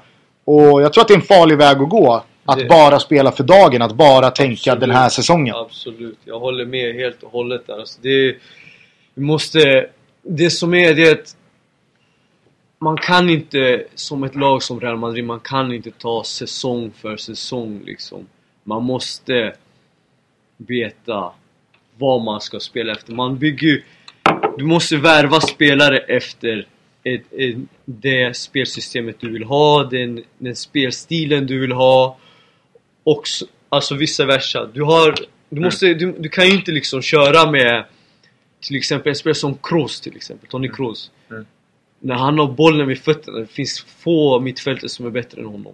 I love Tony Kroos. Jag vill Ja. bara säga det. För att han... Nej men jag tycker han är underskattad. men, jag tycker det på men riktigt. grejen, problemet är varför han får så mycket kritik i Real idag. Det är för att de hamnar i de här pressade situationerna. De blir pressade av lag. Och då liksom, han är inte den spelstilen, eh, han är inte den speltypen som ska vara där i mitten och liksom kriga. De, förstår du? Och, Ja men och, dag, och dagens och moderna fotboll, det är Ja. så här att de ska ha pace 94, Fifa 17 och Ja, allt men det är möjligt. ju, men det är han liksom, inte där har. hade ju till exempel Xavi Alonso hade ju, därför gick det ju så bra för Xavi Alonso för han, han har lite mera defensiva. Mm. Så han kunde klara av att styra upp det där lite grann. Precis. Men Toni Kroos han, han ser liksom Det ser ut som han är mitt i en tornado liksom när de blir som mest pressade. Ja. Men han får inte ut sitt spel. Och eh, där också, så där har vi om bara säger två helt olika spelare typ Toni Kroos han är ju perfekt för en liksom mer bollinnehavsinriktad fotboll. Mm. Eh, Gareth Bale, kontringsfotboll. Alltså vad ska han göra om eh, han får inte ut någonting när Real har 70% bollinnehav? Då, då, är, då är han ju, då får han ut väldigt lite. Medan Toni Kroos däremot, han, han lyser ju liksom, han skiner. Isco, Chamez kommer James, lysa i den alla, ja, exakt. Det är, ju, Ja. det är ju spelande mittfältare vi har. Mm. Och De uppgifter Bale skulle kunna få i ett Alltså i sådana matcher. Det är ju Ja. de uppgifterna Ronaldo tar. som, Men kan de som är till exempel... Nej men alltså fasta situationer, Ja. eh, bryta in och, Ja. och, och ta skotten, skjuta utifrån. Ja. När Real Madrid blir låsta av ett lag och har sina 70-72%. Jag håller med dig om att det passar inte Bale men i Tottenham så kunde Bale spela de matcherna och bara lossa sin vänsterfot. Ja, och ja, skjuta. ja, han tar frisparken, han tar hö- alltså, Men de uppgifterna har Ronaldo alldeles oavsett matchbild. Så att Det jag det håller med om att det blir överflödigt. Man måste identifiera vad har vi här för trupp? Vad har vi för spelare? Vad, vilket spelsätt får vi ut mest av de här spelarna? Eller så börjar man i andra änden. Från högre ort. Florentino Perez som i slutändan bestämmer. Så här ska Real Madrid spela fotboll. Alldeles oavsett vilka vi har i truppen. Alldeles oavsett vem som står på tränarsidan. För att så som det blir nu så byter ju Real Madrid filosofi om hur man spelar fotboll vid varje tränarbyte. Och då är det klart att det blir en obalans i truppen för där finns det spelare som passar ett spelsätt och så finns det spelare som passar andra spelsätt. Där har ju Real Madrid gått bort sig de senaste tio åren men det behöver ju inte betyda att man måste fortsätta göra det i tio år till. Man får välja en väg och det tror jag Zidane kommer bidra väldigt mycket med. Att slussa in egna spelare. Att få upp yngre spelare, att kunna fylla på med de spelare han vill ha. Mm. eh, spelartyper som passar en modell. Men då måste det också finnas en klar och tydlig modell. Kan, kan någon bara förklara för mig då hur Alex Ferguson lyckades under alla dessa år göra någonting mitt emellan? För det är ju någonstans där jag känner Real Madrid försöker ändå göra. Alltså visst, Mourinho, det är en defensiv tränare. Absolut. Och så kör vi Benitez, taktisk nisse. Och så har vi Ancelotti mer kontrollerande. Och Pellegrini mer possession. Men någonstans har ju alla de här tränarna fått ändå anpassa sig lite. Alltså, det är ju inte... Alltså under Mourinho. Det, det här är ju en intressant fakta. Vi gjorde ju mest mål någonsin under Mourinho. Och Alltså, det för får ju säga vad ju- får, det, Folk kan säga Där- vad de Chelsea, vill. det Chelsea jag- har väl målrekordet i Premier League också? Har de Under det? säsong under Mourinho. Ja. På riktigt. Men det är för Ja. att Mourinho, han får ju sina, han har ju sina speltyper som han vill ha för att spela sitt spel. Mm. Han är liksom, vilka hade han i Real? Han fick ju, han hade ju Di Maria, Ronaldo, liksom Kedira. Kedira. Det var ju Mourinho-värvningen Ja, han där. saknar jag. Han är ju hur bra som helst i Juve också. Ja, det är ju Mourinho-värvningen där. Kedira, han fick ju gå samma sekund som Mourinho fick gå nästan Mm. så. Och han... ehm, Och grejen är att när det kommer till eh, Real Madrid, varför... eh, Det jag tror spelarna har så stort ego där. Mm. Det är ju liksom... Det är, Rafa Benitez, han fick ju inget liksom... Han fick ingen res- alltså, han fick inget... Han hamnade ju... Hans ord var ju som att det bara rann av spelarna när han var i Real. Medan andra lite mer ödmjuka, lite mer inte, mer spelare som inte spelar, alltså hade han varit i ett annat lag, som när han var i Liverpool till exempel. Ja. Då fick han ju ut väldigt mycket av sina eh, spelare och det är det Mourinho är känd för också. Han är ju Mm. känd för att få medelmåttiga spelare och spela som världsstjärnor och tro att de är världsstjärnor. Det är det som hände redan i Porto. Men du frågade ju om Alex Ferguson här och United Ja. att de har gått en mellanväg. Till att börja med ska man komma ihåg att det tog, det tog sex titellösa säsonger Exakt. innan Ferguson började vinna titlar. Ja, ja, Så han att gick en period han av gavs, ju, han gavs Ja. ju tålamod. Han visste exakt i vilken ände man börjar. Du börjar med att styra upp klubben modellmässigt. Det här är min filosofi. Vi ska ha en ungdomsakademi och en ungdomssektion som ska slussa upp spelare kontinuerligt till A-laget. Därför tar vi tag i den biten först. Så här vill jag spela min fotboll. Jag vill spela med fyrbackslinje, jag vill ha fyra man mitt fält och jag vill ha två centrala toppar. Jag spelar en inläggsinriktad anfallsfotboll. Eh, vi ska ha ett eh, liksom, ganska så lågt men väldigt, väldigt intensivt försvarsspel. Och jag vill ha de här spelartyperna på de här positionerna. Han spelade ju samma fotboll i 20 års tid. Men han var så klar över rollerna i sin typ av fotboll. Att han visste att där finns den spelaren. Det är bara by- alltså, när den här spelaren kommer till åren och det är dags att byta ut eller när de växer sig lite för stora för klubben. Lex Beckham, Lex Roy Keane. Ja, då har han redan identifierat en, en, en tydlig ersättare som går in vet exakt vad han ska göra. De en, den enda spelaren, och det har han ju själv skrivit om, att han gillade Juan Sebastian Veron så pass mycket som spelare att han köpte honom. Men när han väl hade honom i laget så visste han inte hur han skulle använda honom. Exakt, han- För det fanns ingen plats för Veron. Och där är ju någonstans Sir Alex Fergusons storhet att istället för att då börja anpassa spelet och laget utifrån Veron så var han tvungen att stå sitt kast och säga Sorry, alltså det var här var ett felköp. Du är en världsklasspelare men inte i det här laget för att här passar du inte in. Det är lite där James Rodriguez är just nu. Ja, ja, men exakt. Vad var planen med att köpa James Rodriguez? Det kom ju uppifrån, från någon som kanske inte riktigt visste hur han skulle användas. Den, ja, precis. Sen dess har det bytts en tränare som har James Rodriguez till förfogande. Men vad jag menar är att Florentino Perez är ju den som i förlängningen bestämmer hur det funkar. Ja. Men det som Manchester United gjorde bra, det var ju att du gav all kontroll och makt till någon som kunde fotbollen. Någon som var övertygad om att det här är min bergfasta tro. Hur det än går första säsongen, hur det än går säsong tre. Det här kommer löna sig. Och man hade det tålamodet. Florentino Perez, han byter ju inställning och mentalitet och känsla kring tränare, spelare. Efter tre månader av svaga resultat. Och det är ju det som är problemet. Men okej, okej, men om vi tar det här med presidenter, för jag ville komma in på det. Om vi drar lite paralleller till Italien då. Berlusconi till exempel hur stort ansvar har de här presidenterna? Eller han i Palermo eller han den här crazy... Samparini. Ja, så heter han. Precis. Och, och Napoli med Laurentis och... Alltså hur mycket... Stort, hur stort ansvar har de här presidenterna då? För att, okej. Skiljer Real Madrid kanske inte har haft, som du säger då, en riktigt tydlig liksom, riktlinje. Så här ska vi göra. De här spelarna ska vi ha. Och det håller jag ju med om ju. Men varför har man inte gjort det då? Är det... Det, beror det på mycket på presidenterna eller vad tycker du? den? Vad tycker ni? Jag tror att eh, man har gjort felet som har lagt för mycket makt i Florentino Perez händer. Att han bestämmer hur han vill ha det. När han faktiskt inte är kvalificerad för att tycka och tänka om allting som händer på en fotbollsplan. Mm. Det är han ju inte. Eh, återigen då, om du bara liksom går till största rivalen Barcelona så har ju de bytt presidenter men de har aldrig bytt filosofi. Det finns en inpräntad eh, väg att gå i Barcelona. Alla supportrar, alla medlemmar, de vill åt samma håll för att det finns en sedan Cruyff nedärvt DNA Ja, i klubben. Mm. Att eh, det spelar ingen roll om det är Laporta eller eh, vem som efterträdde honom, jag har tappat namnet. Det- Det finns... Bartomeu, precis. Ja. Där, där har du en, en, eh, en klubb som till och med presidenten måste anpassa sig efter. Mm. Du nämner Samparini, det är ju skräckexemplet. Alltså där, det är alltså Palermos president som jag överdriver inte när jag säger att jag tror att han har avverkat 40 tränare på de 10 senaste säsongerna. Då kan jag bli tränare där kanske. Ja men alltså den som inte kan få jobbet i Palermo är ju inte en tränare.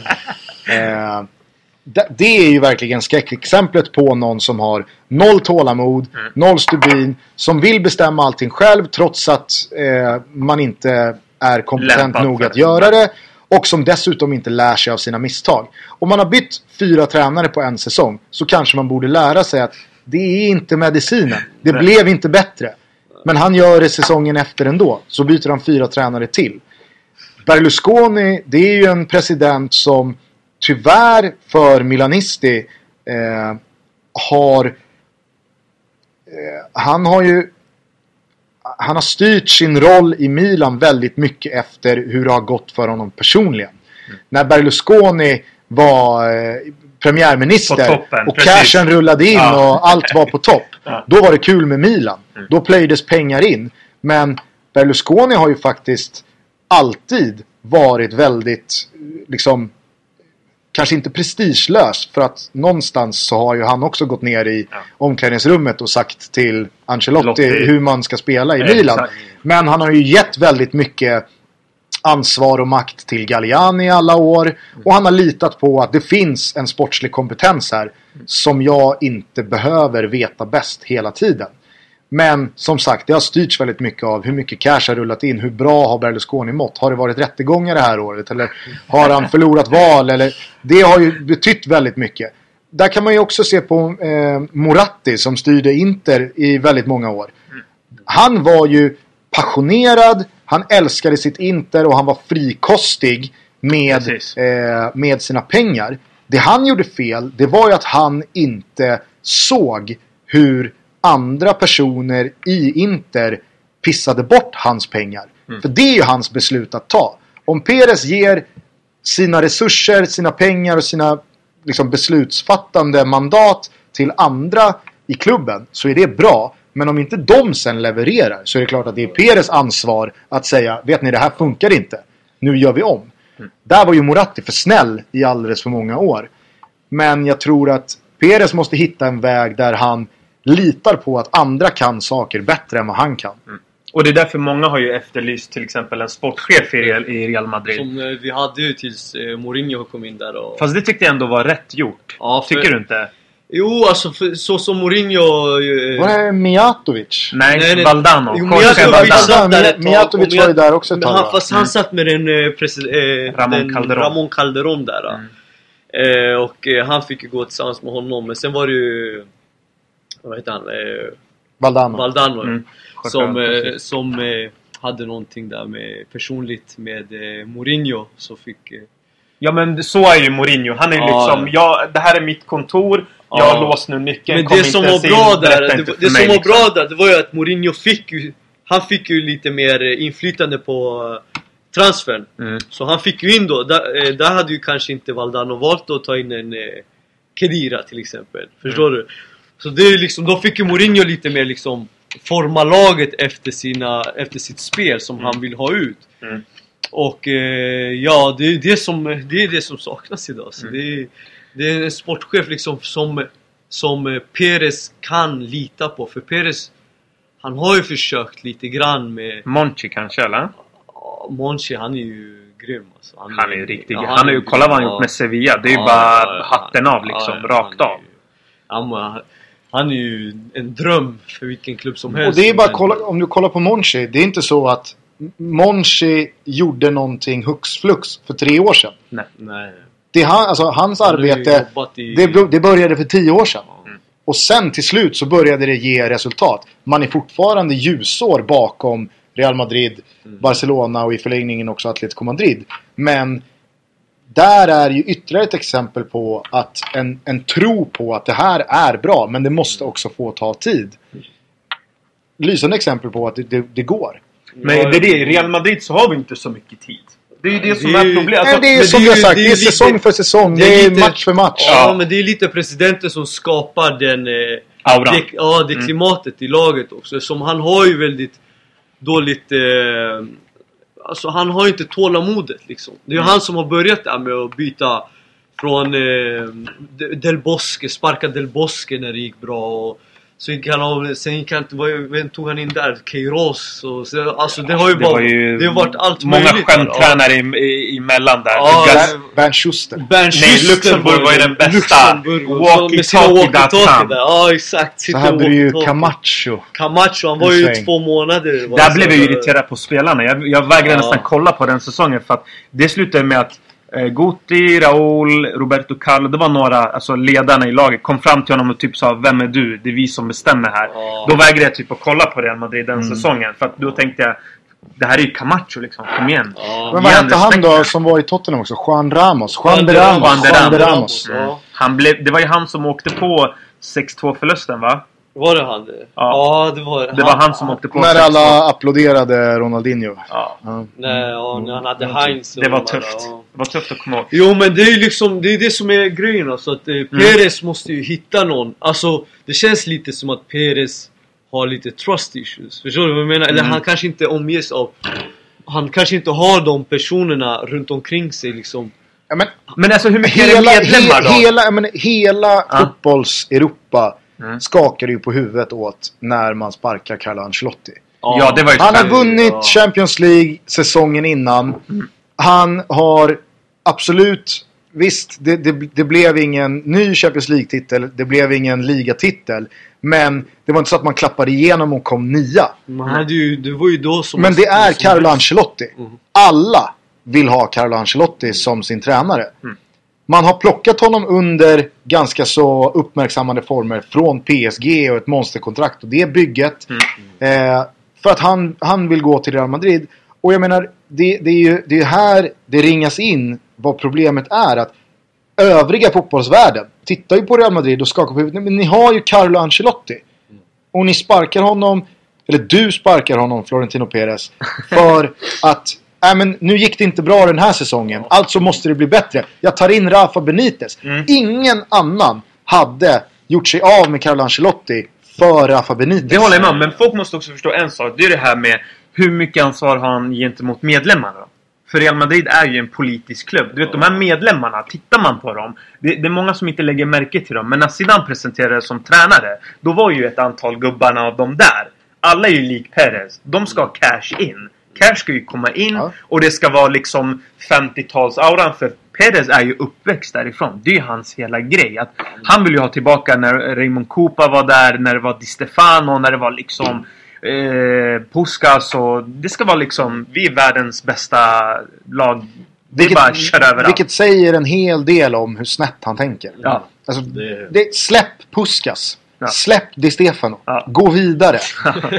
Precis. Det är en ny fotbollsvärld nu. Men det är det jag tänker, alltså hur mycket har medlemmar makt i klubbarna? Är det någon som har nå, Alltså, nå, det- nå, nå Jag vet inte alltså. Jag, jag säger bara utifrån det jag har läst och sett liksom. Det är att medlemmarna har en jävla mycket makt. Det är ju inte lättare än medlemmarna som det har egentligen, ja, de har väldigt mycket makt men grejen är att Perez Det är väldigt få som kan utmana honom just nu i, som president Mm. Det finns inte, eh, alltså nu har de ju gjort om reglerna för du måste ha hur, 600 vad är det, miljoner för att kunna ta över klubben och du ska ha varit medlem i minst 20 år 20 ja. år. Och det är såhär... Yeah, Ja. Good luck finding one. Det, det, ja, men det är därför Typ, som alltså, det, det är ju verkligen det, det är bara... som... Eh, alltså, det ska ju mycket till för att fälla Putin i ett ryskt val. Ja, exakt. Ja. Det är ju det är precis så det ser ut. Det, det, är ju- det skulle... Jag tror, är det inte i år det är val igen i Real? Alltså så här är det. Eller 2000, var det val. val. Ja. 2018 tror jag det skulle vara ett val. Ja. Eller snart är det ett val då för 2018. Då, då är det liksom så här att eh, Perez kommer ju gå till val med att jag har tagit in Zidane. Vi har vunnit två Champions League-titlar på de tre senaste åren. Jag har tagit in kolla det här, det här. Så, men då var det en eh, president som hette Vicente. Eh, Bo, vad heter han? Någonting Bo, på B va? Ja, någonting på B. Han skulle, Precis, han skulle ställa upp i val mot Perez men Perez gav honom pengar och sa var tyst, ställde inte upp mot mig i valet. Och den här Vicente tog inte emot pengarna och anmälde honom till spanska rätten. Så nu ska de ha någon domstols ja, rättegång om just det här fallet. Och, men... Det sagt, låter ju väldigt hederligt och bra.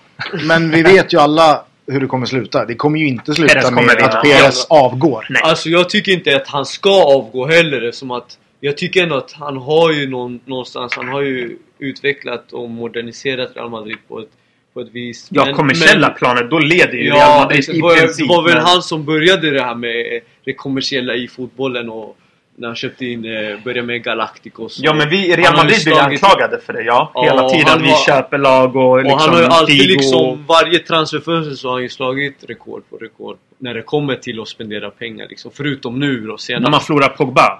Ja exakt. Nu Men senast. alltså där, Ja. en sak. Tycker ni att man förlorade verkligen Paul Pogba? Nej, jag läste nej. den här krönikan från eh, Patrik Sjögren på Aftonbladet när han nämnde det här med att United nu, alltså Premier League-klubbarna har en sån jävla stor makt och de kommer liksom upp med pengar och allt möjligt.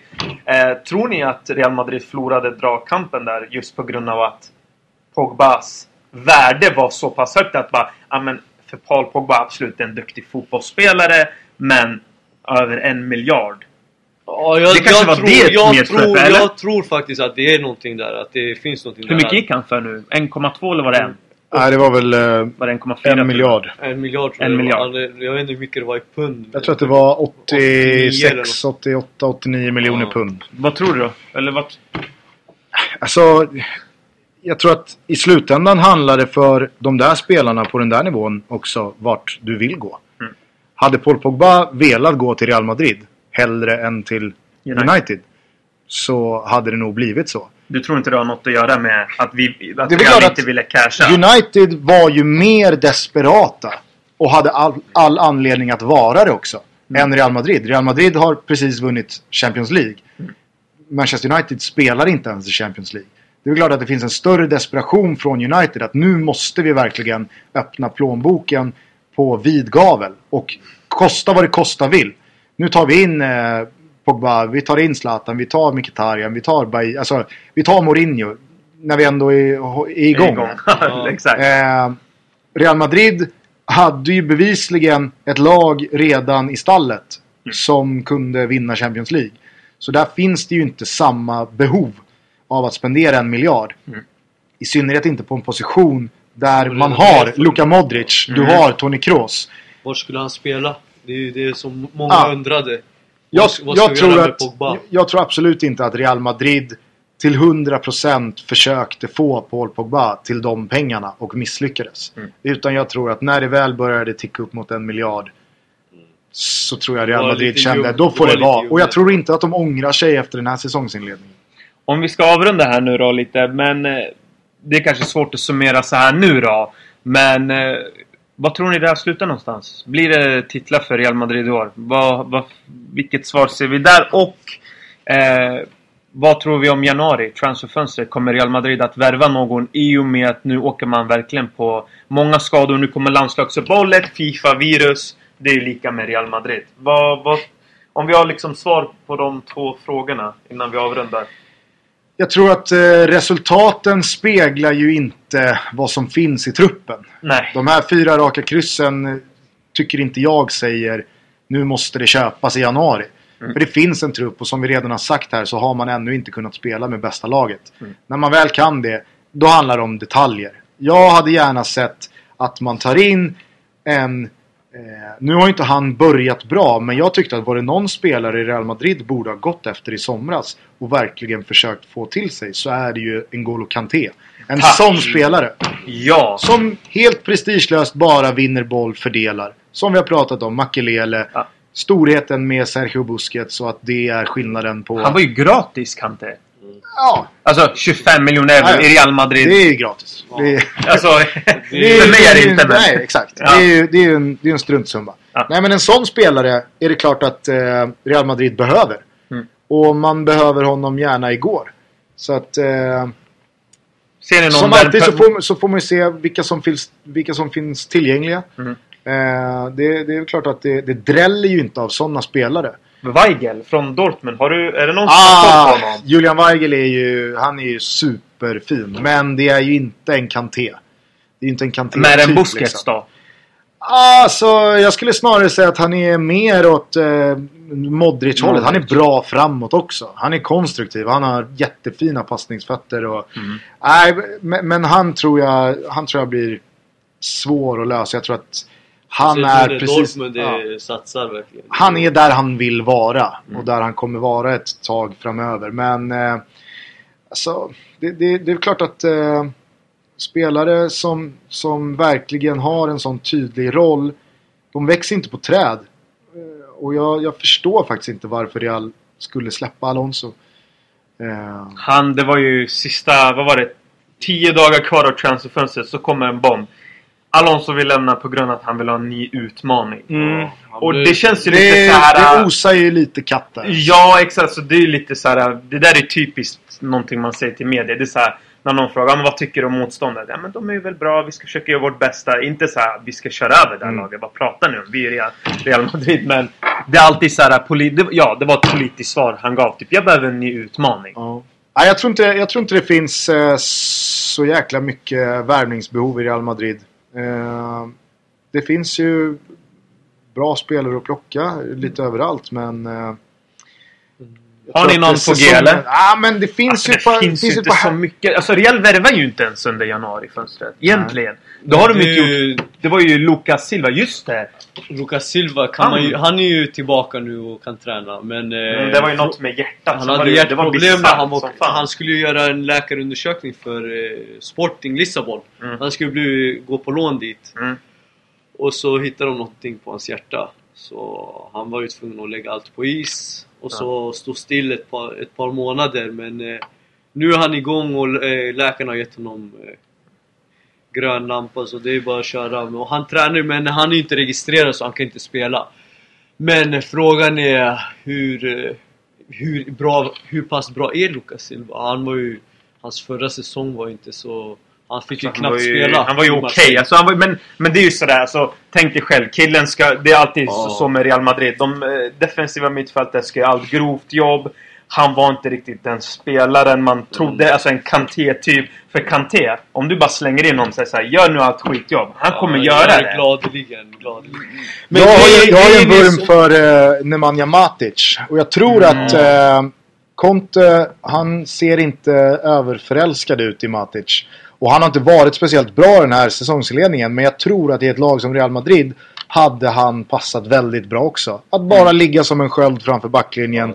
Vinna bollarna. Han har ju en enorm arbetskapacitet.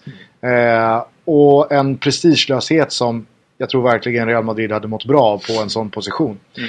En lösning kanske är, jag vet inte. Alltså, kan... Har vi någon i Roma? Nainggolan har ju folk ryckt i men han är ju mer offensiv än vad många vill mena på. Det är, inget, det är inget...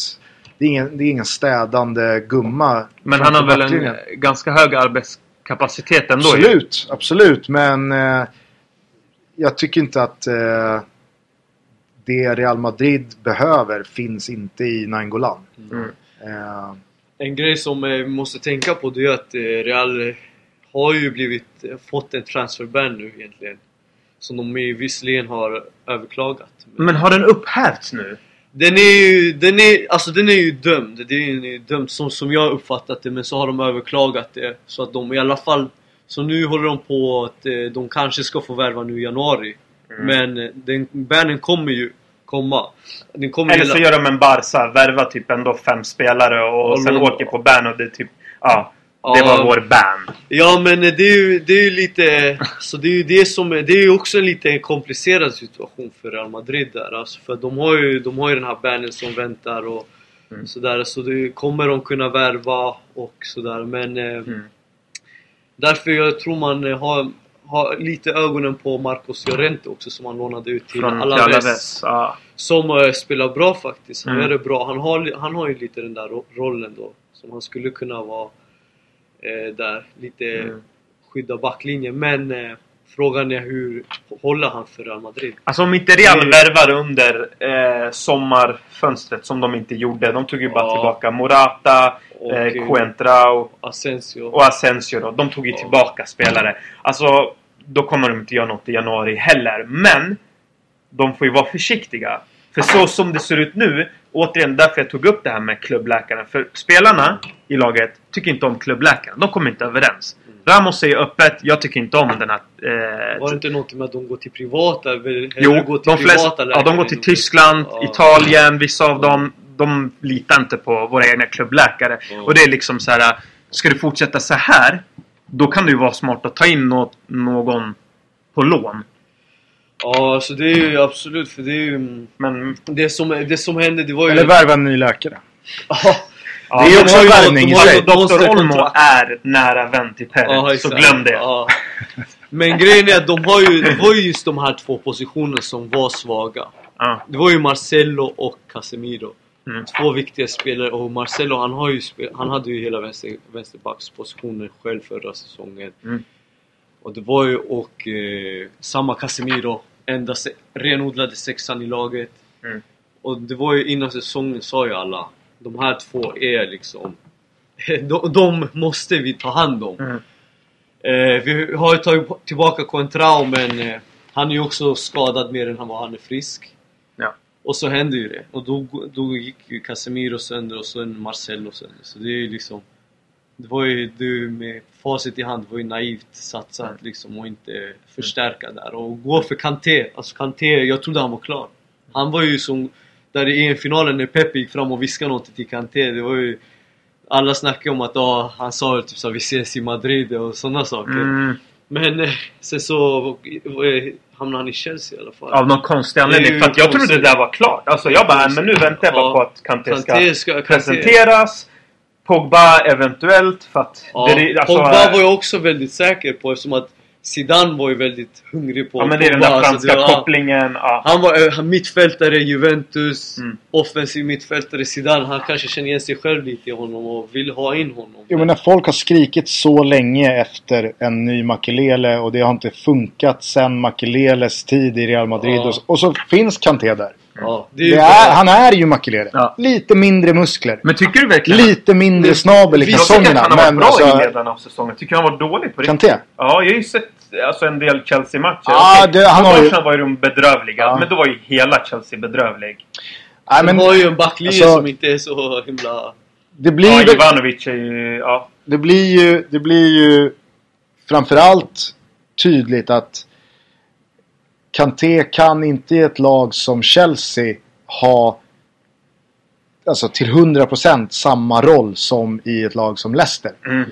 För där räckte det någonstans med att göra det defensiva städjobbet. Mm.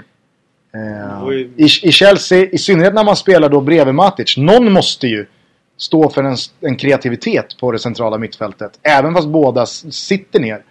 Eh, och det, det har de ju inte gjort, så jag tycker att det har sett lite svajigt ut i offensiv riktning. Men i ett lag som Real Madrid med inte en spelare som Matic bredvid sig så hade ju Kanté kunnat återgå till att bara städa. Mm. Och bara släppt bollen till Kroos. Eller släppt bollen till Modric. Mm. Eller släppt bollen ut på kanten till Bale eller Ronaldo. Jag, jag, jag, som sagt, mina förhoppningar, eller vad jag tror. Jag tror att Real Madrid, alltså om vi ska prata lite om titlar och så. Jag tror att Real Madrid vinner i alla fall ligan i år. Det ser ut så. Eh, För mig är Atletico Madrid eh, de som kommer ta Champions League i år. Jag tror att de får ut... Ja, jag tror det helt enkelt att det är de deras år. För att de har åkt nu två år på pumpen och oftast brukar det vara att revanschen kommer någon gång till slut. Om det inte är Real Madrid i final igen då. Ja. Men det, är men det är en annan sak. Men jag tror att ligan är Real Madrids i år. Kuppen vet jag inte. Det kan gå hur som helst beroende på vilka man spelar. Man Vilka, har vilka som är anmälda? Vi, om man har Ja, om Cheryshev är där eh, så ja, det där var ju en sjuk historia. Ja. Vad hände där? Faxmaskinen igen. Ja, det, Fan, det är världens rikaste klubb. De måste ha väl råd att köpa Ja, det var ju det helt- var ju någon som sa att, helt att de fortfarande kör med faxmaskin i Real Madrid. Det finns ju... Ja, vad fan Jag jobbade, man jag en jobbade faxmaskin? på Eurosport när vi hade... Vi, jag programledde den sändningen. Mm. Så stod jag och Thomas Wilbacher och jag tror att det var Johan Mjällby i studion där. Mm. Eh, och vi hade ju köpt liksom Copa del Rey som rättighet för att det kommer förhoppningsvis och förmodligen bli ett El Clasico. Sen om det är i semifinal eller om det är i finalen så är det värt det bara för den matchens skull. Ja. Och så i första matchen där, det var väl eh, Las Palmas va? Var det inte det? Något gult lag var det i alla fall. Den där jävla gula lagen. Ja, Jag tror att det fan- var Las Palmas. Ja. Eh, Ja, jo, det kan det vara. Eller om det var... Nej, det var ju... Eh, Det var Cadiz. Ja, Cadiz. Det var exakt. de, Cadiz. Det, det, det, var Cadiz. de som eh, gjorde att ja. vi...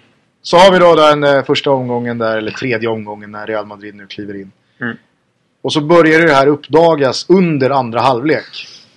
De börjar ju ropa åt Cheryshev eh, i slutet på första halvlek Ja. och sen så byts han ju ut efter en minut i andra halvlek när de har kollat upp och bekräftat. Mm.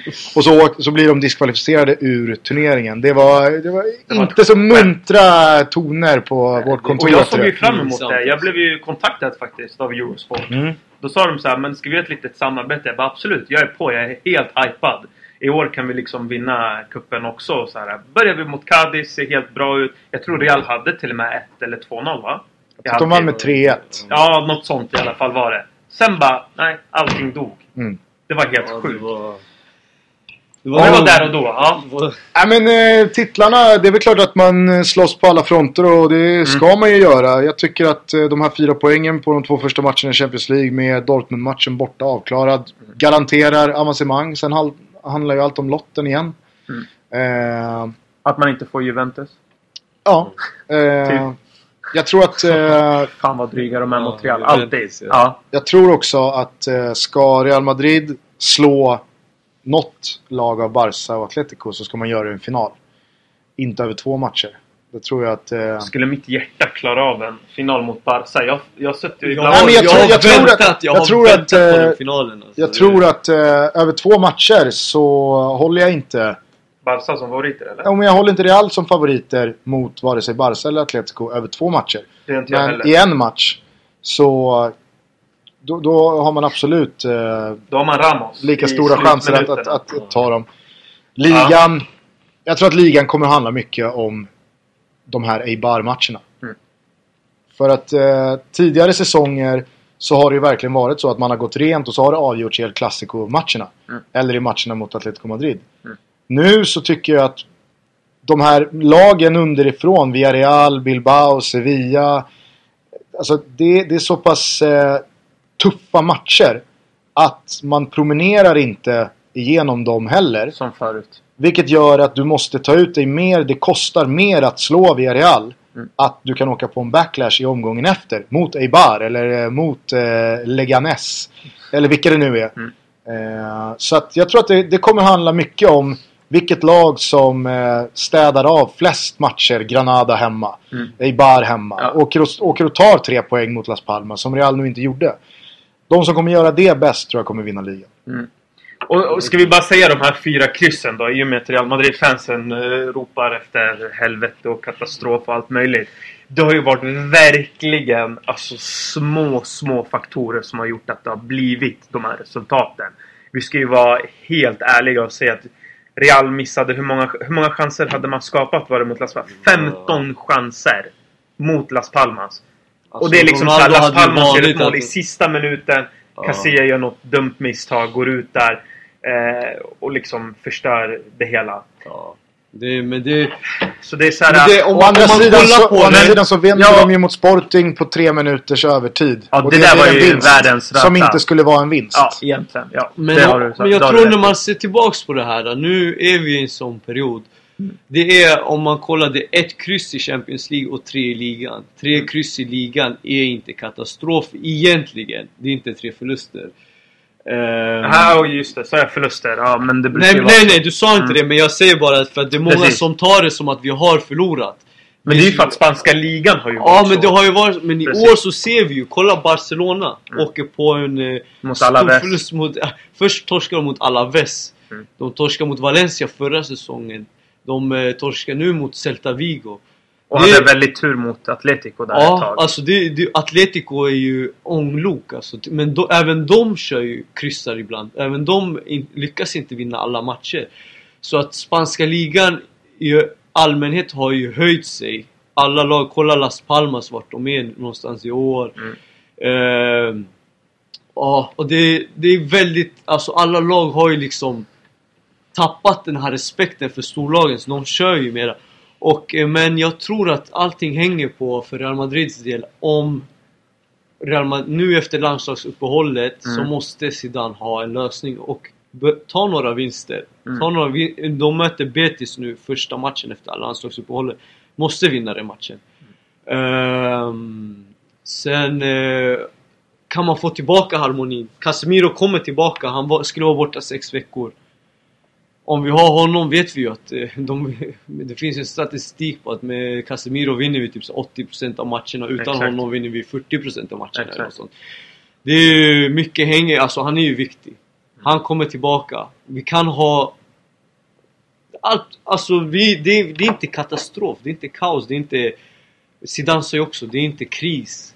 Vi har, tre, vi har tre oavgjorda, vi måste ta tag i det här. Och vara effektiva Var- framför effektiva. mål. Alltså Har man, men har man Legia hemma eller borta?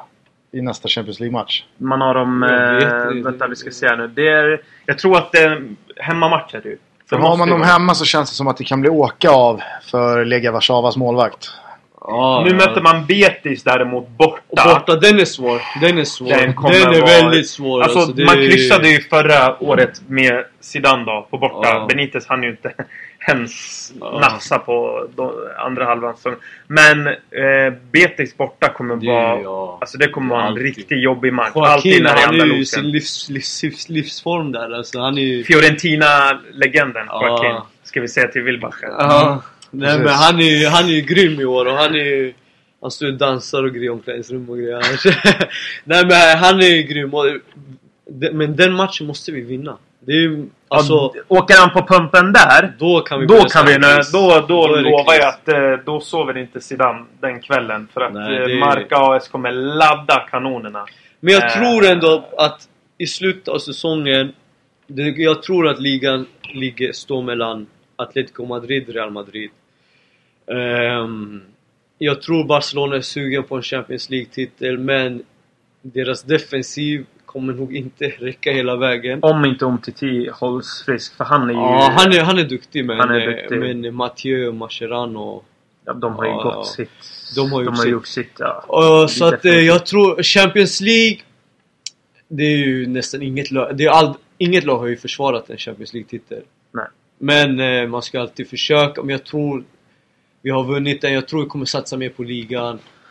Vi har chans att ta ligan. Mm. Copa del Rey Varför inte? Så, så, så länge vi Om har rätt, spelare registrerade. Mm. Men ja, det är mycket handlar om skadorna alltså, på Mm. de här nyckelspelarna nu. Och eh, om, om det fortsätter så här och hur det blir med transferbanen, hur vi gör med transferfönstret i januari.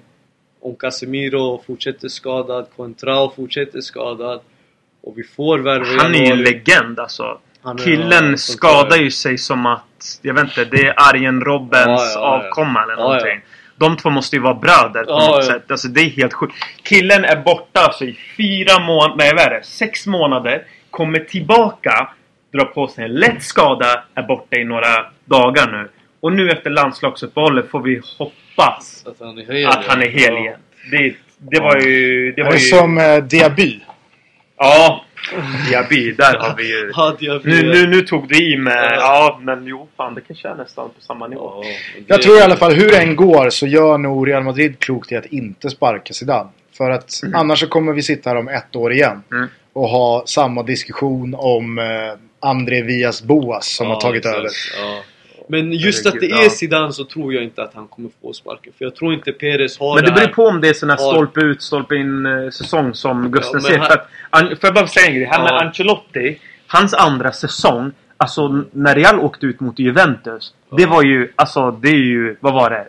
Det var typ Storaros stortå som var i vägen där. För att hade Real gjort 2-0 då kan jag garantera att matchen hade varit over and done. Vi hade haft 2-0 halvtid mot Juventus på deras stadie. Det, psykiskt hade det bara tagit på dem.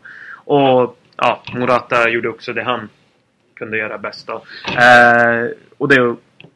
Nej men så är det och det ska, inte, det liksom- ska ju inte kosta en tränare som Ancelotti jobbet. Nej, absolut, inte. Och det var ju så många ljuspunkter från det. Jag skrev det i ett långt inlägg. Eh, gjorde en krönika om det hela också. Mm.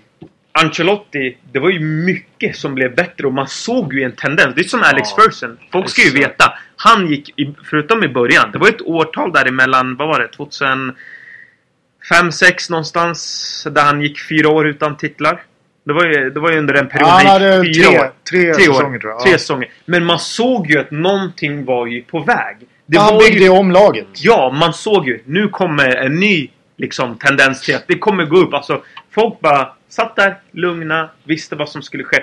Men återigen, det är bara liksom för att gå in i det igen. Alltså, man kan ha en diskussion, man kan skriva en bok om det här. Det här med att ha en filosofi, ha inte det. Vara oförutsägbar. Eh, vara en bra ledare kontra en bra taktiker. Vad behöver Real Madrid? Real Madrid behöver ju sådana som Ancelotti, Zidane. Sådana som kan ta hand om ett omklädningsrum. Det är det till exempel Miguel Munoz på 80-talet. När han tog, vad var det? 10 ligatitlar, vann två Champions League-titlar. Han var ju känd för att kunna ta hand om stora stjärnor i omklädningsrummet. Det var ju det som gjorde honom till så... Till den legenden han var. Alltså han är ju liksom en av grundpelarna i Real Madrids historia. Och det är ju det som fick Pellegrini och Benitez och de här andra tränarna som är duktiga tränare och, Mm. och inte hålla i Real Madrid. Men jag tror att ehm, nu inför den här säsongen så fick man ju se, om man kollar i övriga klubben Mm. eh, Så fick vi se ändå att Perez, han tog in eh, Roberto Carlos, Mm. Solari Eh, är det någon mer? Morientes tränar också något ungdomslag där. Mm. Så att eh, man ser ju att eh, Perez har börjat tänka lite på det här. Sitter inte ska- Karanka där också? Nej, Karanka är ju i Middlesbrough nu. Just men han, just satt, han han var ju kuskade dit, assisterande. ja. ja. Men när man märker att han börjar ta in de här som har varit som var, med, som var hans spelare under första Galactico-eran och tagit Mm. in dem i ledarstaben i organisationen liksom, för Exakt. ungdomslagen. Mm. Och det började ju hela med Zidane liksom. Så förhoppningsvis så kommer han ju fortsätta med det liksom. På den här trenden. Ja, Ja. Det, det här vill jag bara också säga. Jag har ju blivit anklagad mycket för att hata Perez. Jag gör det, jag ser det öppet. Men lite bara för att vara lite schysst tillbaka så kan jag säga ja, det där är ju Ja. någonting riktigt fint. För att han har tagit tillbaka Solari som tränar Castilla. Mm. Eh, Roberto Carlos är en ambassadör. Ronaldo är en ambassadör. Guti tränar eh, kidsen. Eh, Morientes också. Morientes också eh, Ja. tillbaka. Raúl är ju nu La Liga-ambassadör dock. Men ja. det sägs att han kommer också börja snart komma tillbaka. Så att Mm. han ska ha cred för det, eh, Perez. Definitivt. Mm. Och, och att man har lyckats nu behålla spelare. Alltså inte så här, Det har ju också varit en grej. Kontinuitet med att Mm. behålla samma stomme. Ja. Inte bara okej, nu har vi Schneider. Men nu var han borta. Nu kommer Robben. Och nu Ja. kommer någon annan. Ja, Du visste ju liksom aldrig om du ska köpa någon, eh, fotbolls, en fotbollsspelares tröja. För du vet inte om nästa gång var du tvungen att kasta den liksom. Eh, men men. Eh, jag tycker vi avrundar. Ja. Eh, det här blev det längsta avsnittet faktiskt. För den här podcasten. Vad säger vi? Nej men det rekord är till för att brytas. Eller hur? Exakt, ja. Mm. Men det, Eh, då får jag tacka för mig i alla fall. Jag säger adios och Gusten säger Eh, jag säger hej då. Lyssna på Toto Balutto om eh, man vill höra mer av mig. det vill man definitivt. Men kan du inte säga det där du alltid säger i Toto Balutto? Det är så jävla skönt när du säger det. Ciao tutti! Så är det. Vad, vad var det betyder? Aja. Ah, ja, Ciao tutti he-. Nej men du säger ciao tutti minuti. Ciao tutti e benvenuti. Där har vi det. ja. Fast det ska man säga i början. I början. Okej. Det är hej och välkomna. Hej och välkomna. Mm. Du inte säga det i slutet? Nej, då är det bara ciao tutti. Då är det ja, hej då allihopa. Men då måste jag få koll på det där. Men lyssna på Toto Balotto i alla fall. Och Marcus, eh, Marcos, vi kommer definitivt se mer av dig i den här podden. Ja, det var trevligt att få vara med. Härligt! Tack så mycket. Tack, tack. Adios alla lyssnare! Adios, adios.